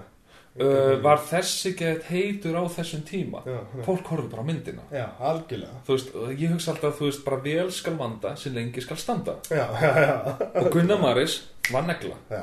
ég hló og hló og hló af öllu sem hann gerði. Það er líka viðbröðun úr salnum Bara- þegar það var alltaf þegar- Já, og það var svo þægilegt til mig að sitja í salnum. Já, vitandi það bara, ok, ég valdi gessunlega rétt já ég að segja hann bara kom á skjáin og salurinn sprakk Smakka bara um leið og það gerist ekkert oft finnst mér endilega í bíó þú veist bara yfir höfu sko. Ekki svona, Nei. hann alveg eignaði sér já, þetta, já, sko. það, það, það, það, hann kemur hann í hvað, fjórum, fimm senum Já, og kemur hann alltaf á svona ákveðnum köplum í myndinu eins og tókst eftir já, þú veist, parið byrjar Mm. og svo þegar við komum tímundur í myndina þá kemur hann Já. og, og, og Gunnubói hans sidekick, þeir eru náttúrulega alltaf tveir.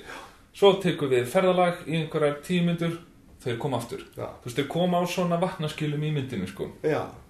er, og þeirra sambandsamt líka er gull, það er sorry kallið minn Já, já, já, ég ætla ekki þú veist það, já.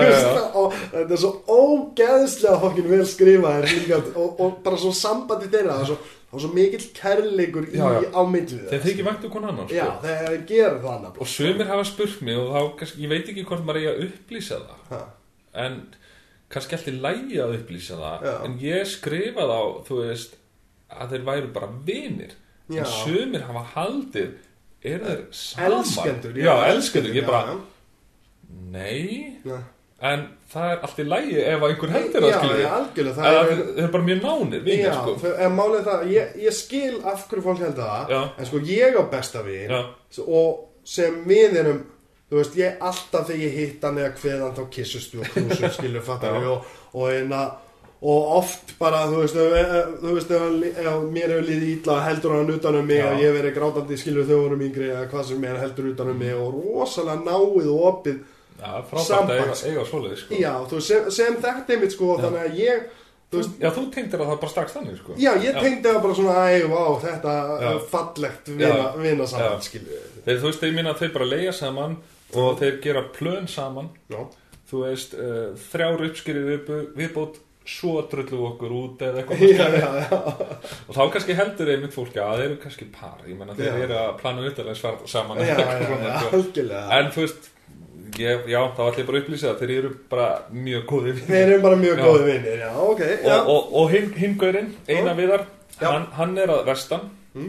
og hann er svona náungi sem var aðalhutverkið í í, í mentaskóla leikritinu þar. Þú veist, það var alltaf bara eins og mentaskóla gera þeir setja upp leikrit sem, sem bara allir fara á og, og þú veist hann var aðalhutverkið því og, og hérna og mér finnst hann mjög fyndin náungi Ógeðslega og fyndin, hann sko. talar þú veist, Ógeðslega hann er tungumála uh, síðan í að þú veist hann bara hann þarf að búa bara smá stund í einhver landi þá er búin að pikka upp. Allt varandi tungumáli sko. Þeir eru voru mitt, sko, senan þeir eru að tala hann á norsku og dönsku Já, já. er fucking brilljant, hún er svo fyndin, sko. þeir eru góður þar sko. Já, það er ógeðslega góðir og bara, og, og gott líka sko, þú, kemur hann í pröfu líka eða, eða er það eitthvað sem þú, uh, já aðeins. Já, uh, en ég prófaði aðra sko. Og aftur þarna ertu með einhvern sem er ungur og upprennandi ekki frægur eins og einhver uppistandari eða Nei. einhver sem er búin að sjá í sketsa þáttum og svona Já. en hann var bara bestur já, algjörlega, og þá bara aftur bara svona ok ekki frægur en samt bestur já, og ég bara, ég ætla bara alltaf að velja þá sem, eru besti já, fyrir af því það, sem- það sem skiptir mér svo miklu máli er að þú náir svona díalógnum rétt Já. af því þú getur verið mjög góðu leikari en Mhm. díalógur eftir þennan handriðsöfund ferði þér kannski ekki endilega vel er þetta er bara svo, hérna, Tarantino talar um þú veist, hann, segir ok, mjög oft langa, nei, sem sagt margir hafa spurt mig alltaf aldrei að vinna með meðli strýp og hann segir, þú veist, hún er mjög góð leikona, Já. það vita það allir. Já, en ég veit að hún mun ekki syngja díalógið mitt. Já, en, síðan sagði hann þú veist eins og Samuel Jackson hann ekki bara negli díalógið mitt þetta er bara eins og poetry. Já, já, já, hann segir bara að veist maðurinn bara skilur díalógið mitt Já. sko. Og nú er ég ekki að stilla mér upp við hliðin á Tarantino. Nei, ég er nei, nei. ungur og margt eftir ólært ég meina, ei, en, en, en sko maður ásamt að líta upp til þessa manna og, og stefna því að reyna að vera svona góður, skilju, Já, það er bara ekki slæmur hlutur að, vilja það, Nei, sko, bara þegar þú veist, þú veist segi, ég, ég er alls ekki að Nei. eftir honum eða neinum öðrum veist, þetta er bara fyrirmyndir að því þú veist, þeim bara gengur vel og gera myndir sem ná vel til fólks og maður bara elskar já, elskar þetta og það sem til dæmis fyrst við erum að tala um Quentin já, þá kastar hann mjög vel Já, já, það er bara, casting is everything hjá honum. Já, algjör- hann er leikara leikstjóri. já, Hann og skrifar díalógin út Mhm. eins og leikari, skilju, sem hann, honum finnst það á að vera. Já. Og hún, hann ætlaði bara að vera leikari til að byrja með, skilju. Nákvæmlega, Já. hann reyndi og reyndi og reyndi Já. að vera leikari sko. Var Elvis impersonator Já, í. Golden Girls þetta var, það var það helsta sem hann kom sem leikari, skilju. hann er, sko, málið með, þú veist, fólk var svolítið að, við tökum hérna smá sæt, Já, offroad, þá uh, var hann, það voru margir sem kritiseruðu uh, hérna framkomi hans í hérna Django. Fólki fannst það mjög skrítið og hérna, hann leik hana einn það er einn ein þrælaði enda Já, já, hann Ástralan í endan sko. Já, já, Og ég skil alveg þau komment En þá vil ég segja móti Horfið á Quentin í From Dust Till Dawn. Hann er, hann er karakterinn hans í From Dust Till Dawn Hann er ógeðslega góður í þeirri mynd. Bara þetta er einn uppáðs hróllöki og, og, já, og bara hans innkoma líka í Desperado þegar hann segja jókina barnum. Já. ok, það er rosalega reyndar er það bara Tarantino, Tarantino. það er ekki karakter af því. From Dust Till Dawn er hann actually karakter. Já, algjörlega. Hann er hann með spanginar sínar og er pervert og er síkopati og, og eitthvað svona.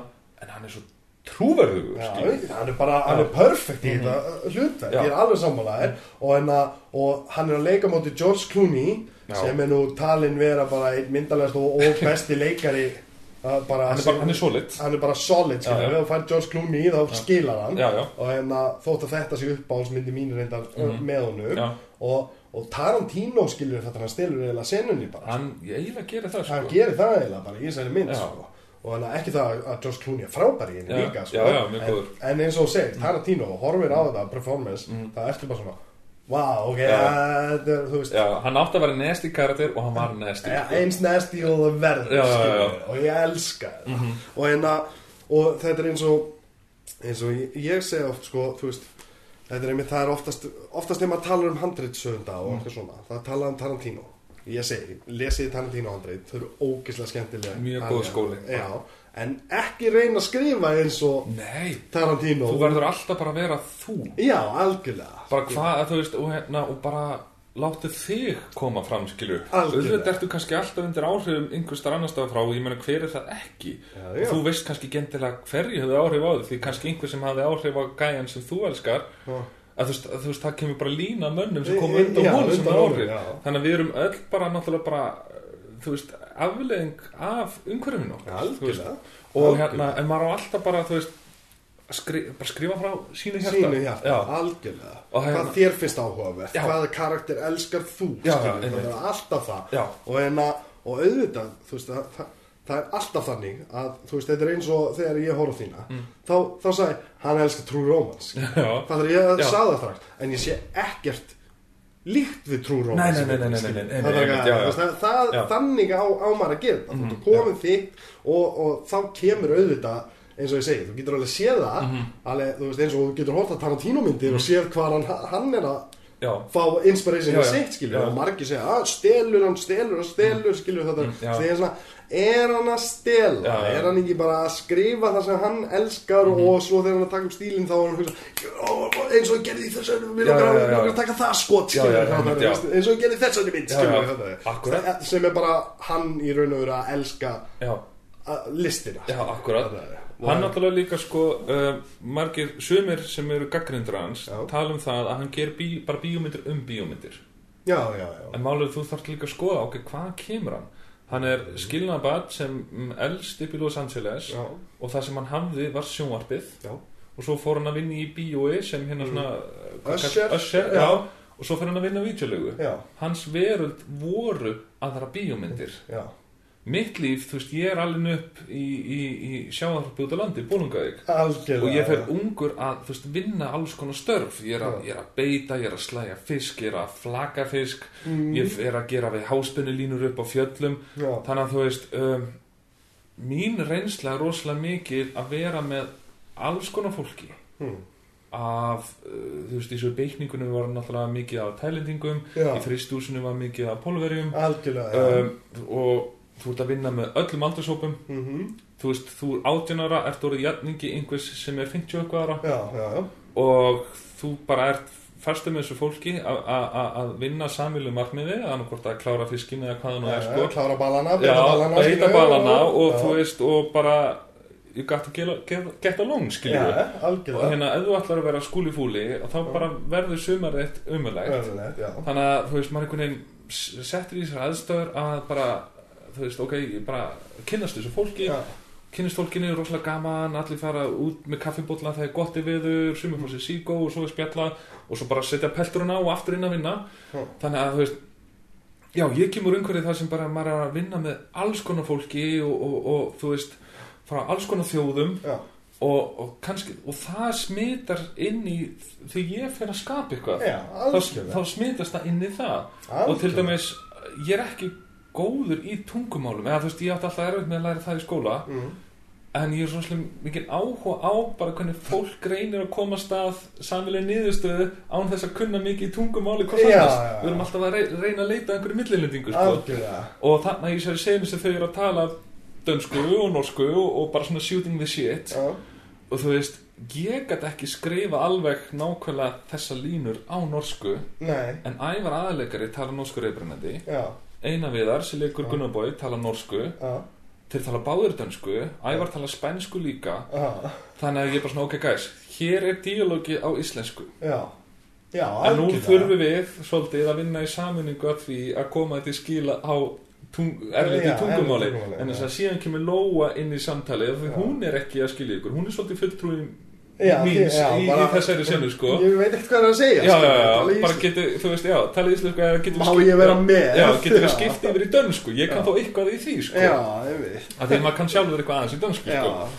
Og hérna og já, þannig að þú veist ég er bara að elska karakterina mína þú veist bara, ef að karakterinn og díalókurinn og líka náttúrulega bara í íslensku sinunni myndinni sem er náttúrulega 90 og eitthvað prósent svo fólk haldi geta sér mynd á dönsku. Nei, nei, nei, nei, já. Að veist eitt- að skiptir Þetta eitt atrið já, það skiptir svo miklu máli að díalókurinn sé þú veist hvað maður að segja, svona árenslu laus Já, já ge- náttúrulegur. Já, sér náttúrulegur þá bara, bara, þú veist, bara gera ef að fyrstu tvær tökur er alltaf svolítið svona menn að reyna að muna línunar sínar og menn er að klúðra línum Já, og það bara heyrðu aftur, aftur, þú veist, bara slagið á krakkar hendum okkur bara aftur í þetta. Og, bara er eitthvað sem ykkur finnst óþægilegt að segja getið sagt þetta einhvern veginn öðruvísi ef ykkur finnst óþægilegt þá kemur kannski eitthvað komment uh, nei, fyrst, prófum að halda okkur við þetta bara gerum þetta aftur, segir kannski leikarinn.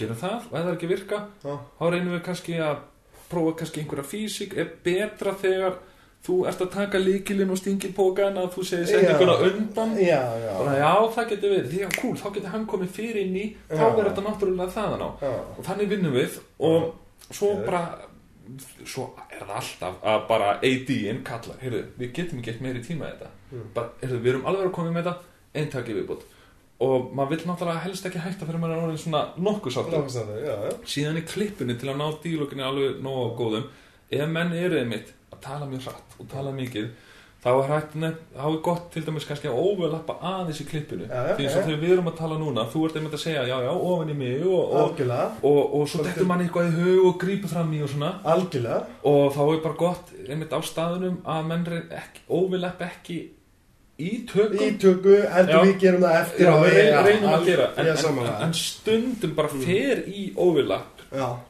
í tökum en þess að menn er bara komnir í gýrin sko. Mhm. Og þá er það þá gott að eiga töku nummer 2 og 3 og svo framvegð sko. Mhm.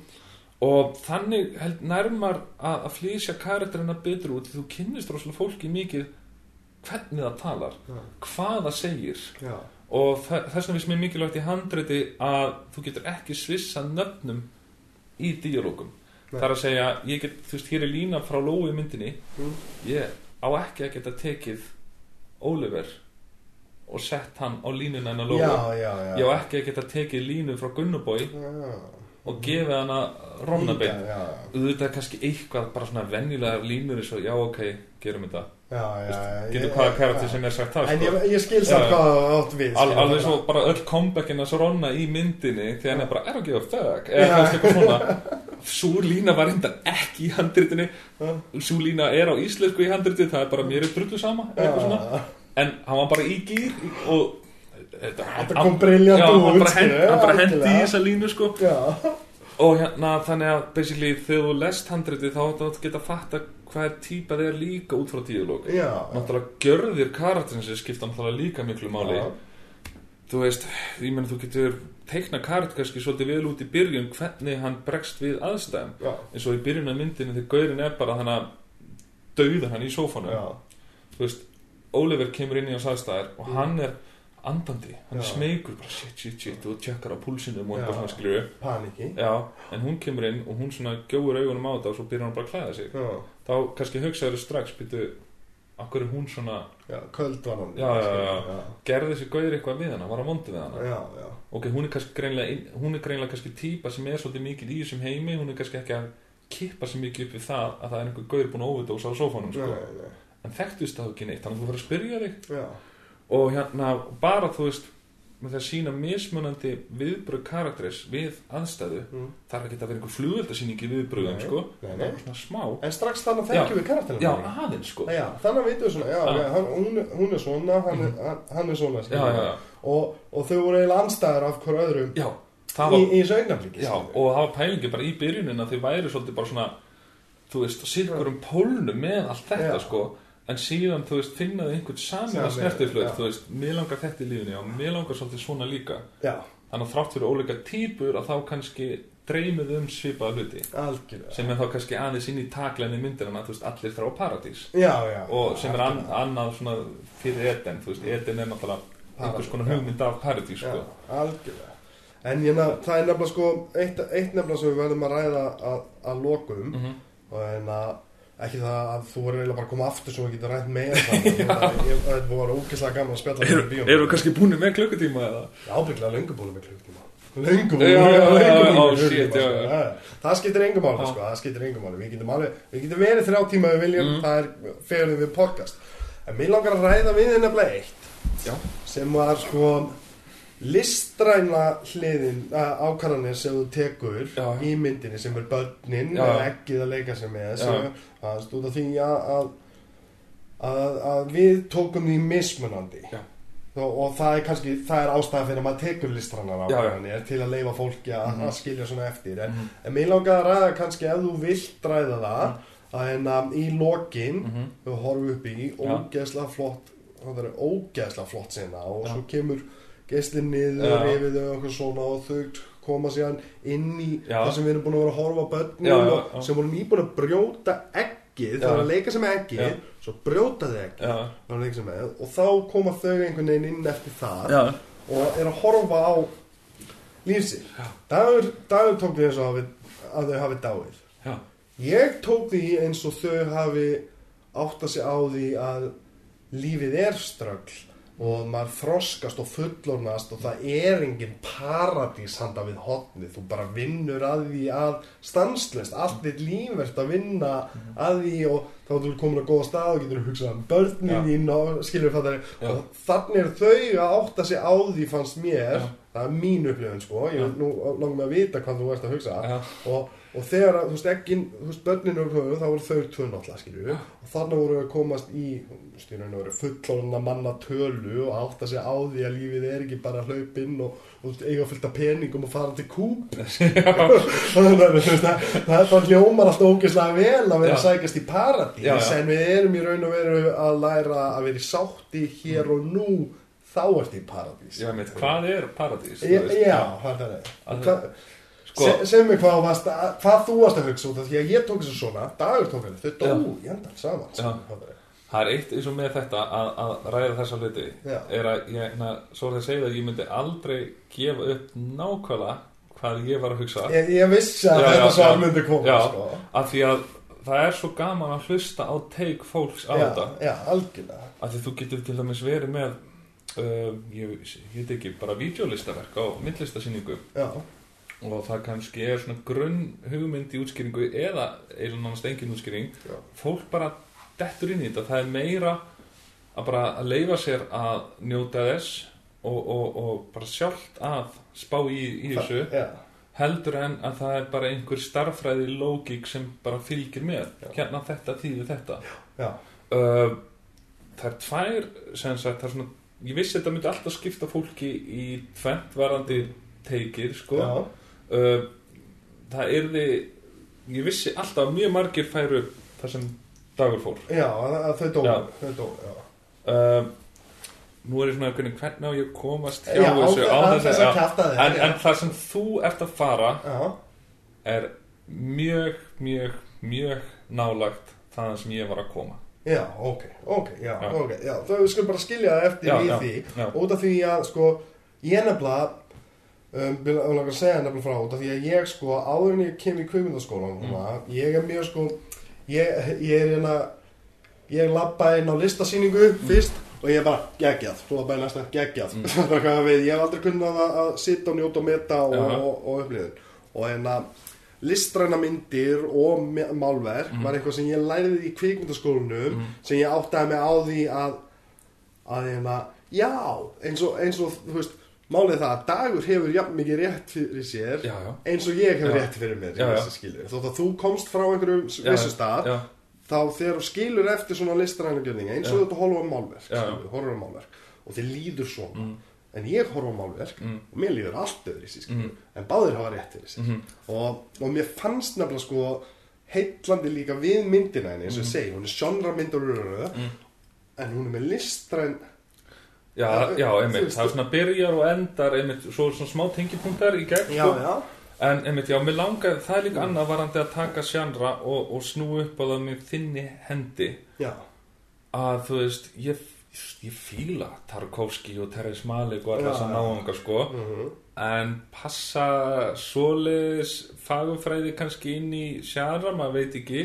En allavega, ég, sko, þetta með börnin. Já, Það kemur bara strax á fyrstu blaðsíu þegar ég er að skrifa handritið og ég get eða ekki svaraði sko nákvæmlega hvers vegna um, þessar sýnir mm, koma þangað inn sko. nei, það bara, ég, þú veist, reyndi kannski aðeins, bara svona, er ok, geymynd aðeins og Já. bara halda áfram að skrifa karakterina og það sem er að gerast í Reykjavík í myndinu og svona, geim, ég ætla aðeins að geyma þennan speisa hluta, en það bara sækir á mig, aftur Já. og aftur og aftur og aftur.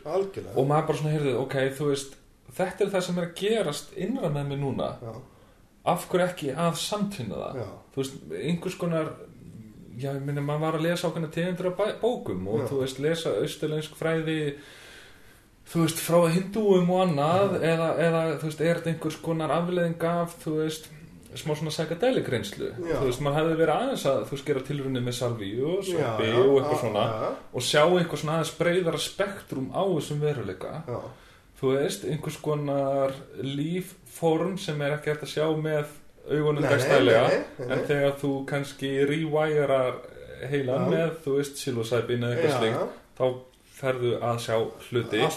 Og þú ert ekki vímar í þeim skilningi svo þegar þú ert blind fullur og eitthvað svona þú ert bara svona, ok, ég er kristall klýr en ég er að sjá eitthvað núna já, sem ég hef ekki séð áður. áður. Hvað er að frétta með það? Og svo, Já. þú veist, að því ef maður nálgast psychedelics ekki sem eitthvað djamstöf, Nei, þetta er fyrst og fremst svona til að kanna landslag hugans eða, já. eða þú veist, eins og, sumir að benda og þú ert að sjá inn í aðra vittir. Uh, Sumir afskrifa það og það er bara allt í lagi því við erum ekki búin að ná tökum á að rannsaka hvað þetta er. er það er banna að er er vera bannað að rannsaka þetta síðan, þú veist, 70s Já. síðan að Nixon í raun og veru bara skellir í lás, sko. En það er búið að vera rannsaka þetta núna í nokkur ár og bara menn er að stíga mjög varlega til jarðar í akademiska samfélaginu Já. að, þú veist, segja hvað þetta er Já. uh, endilega, þú veist, vitar ekki alveg hvað þetta er náttúrulega en þú veist, ég kem líka úr þeirri átt ég Já. kem úr smá heimsbyggja átt Já. ég kem úr bara með hann bara reynslu af mjög uh, abnormal sínum Já. Eins og þetta í endan sem ég kannski vill ekki alveg spóila fyrir nei. en það tengist hvítum hnetti Já. ég sá þetta shit Já. en það sem gerist síðan fyrir karakterina er síðan bara í raun og veru skáldskapur Já. uh, þar sem ég er að reyna að koma fram einhverjum mínum hugmyndum um uh, þessa tilvist Já. sem við erum hluti af Algjörlega. Uh, mín heimsmynd í augnablikinu svo kannski eftir 20 ár hef ég öðlast ég veit ekki hvort maður getur tala um skilning Nei. en einhvers, eða ok, annars konar sín á raunveruleikan og hvort sem það verður viðbútt við þetta er ekki, veit ég ekki en þetta er ég núna Algjörlega. og þú veist þess að segja, ég menna að sjá þetta það sem karakterinu sjá í endan Mhm. ég var með þreymur félögum mínum og það breytti lífið mínu forever Já. vegna þess að þú veist, þegar maður var að upplifa þetta þá spurði ég vinn minn X Mm. ert að sjá þetta? Já. Já Upsilon, ert þú að sjá þetta líka? Já. Hell yeah. Og við vorum svolítið hrættir og einn, Já. einn þeirra hann panikaði í rauninni skilur og við bara svona og svo skist þetta í burtu og svo kemur þetta aftur.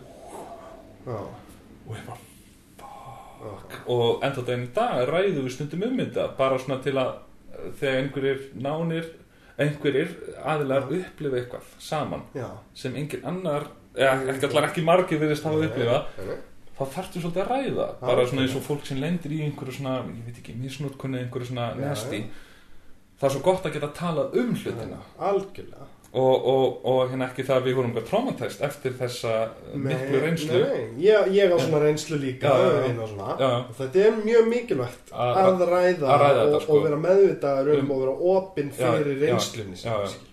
Það er algjörlega að því hefði ég verið einn þá hefði ég kannski hugsað ok, þetta kvöld var ég ég veit ekki, bara, bara ekki í góðu standi fyrst að ég var að sjá svona hluti já. af því þú ferð alltaf að, að, að fara gegn uh, hugsunum þínum Mhm.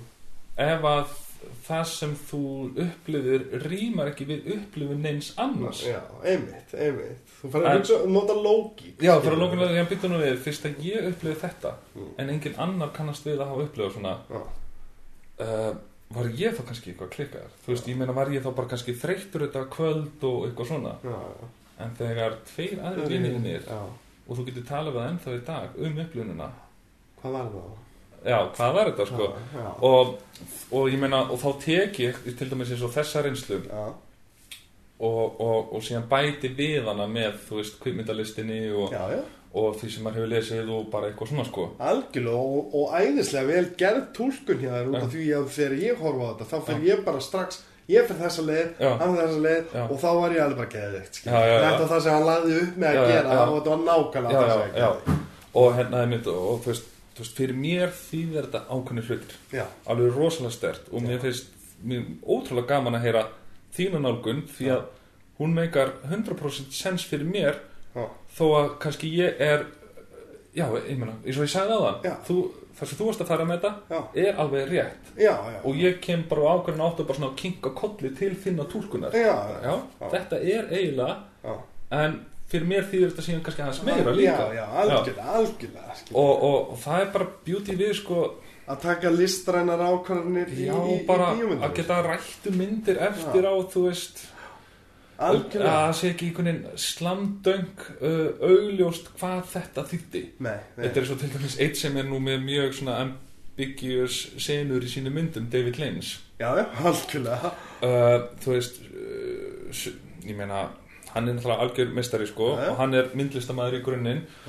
Og stundum hefur hann verið þú veist, að verið komment á að myndina hans með ekki kannski ekki alveg sens eða eitthvað svona eða eru bara weird og trippy. Já, og hann sagði einhvern tímann ég skil ekki af hverju list þarf að make a sense þegar lífið fikar ekki sens já, já, algjörlega Vá, það er svolítið gott. Það Já. er alveg vel gert sko. en ég reyndi náttúrulega og fyrir mér meikar Eden þú veist sens, Já. þess hvernig myndi byrjar hvað gerist í miðinni og hvernig endar.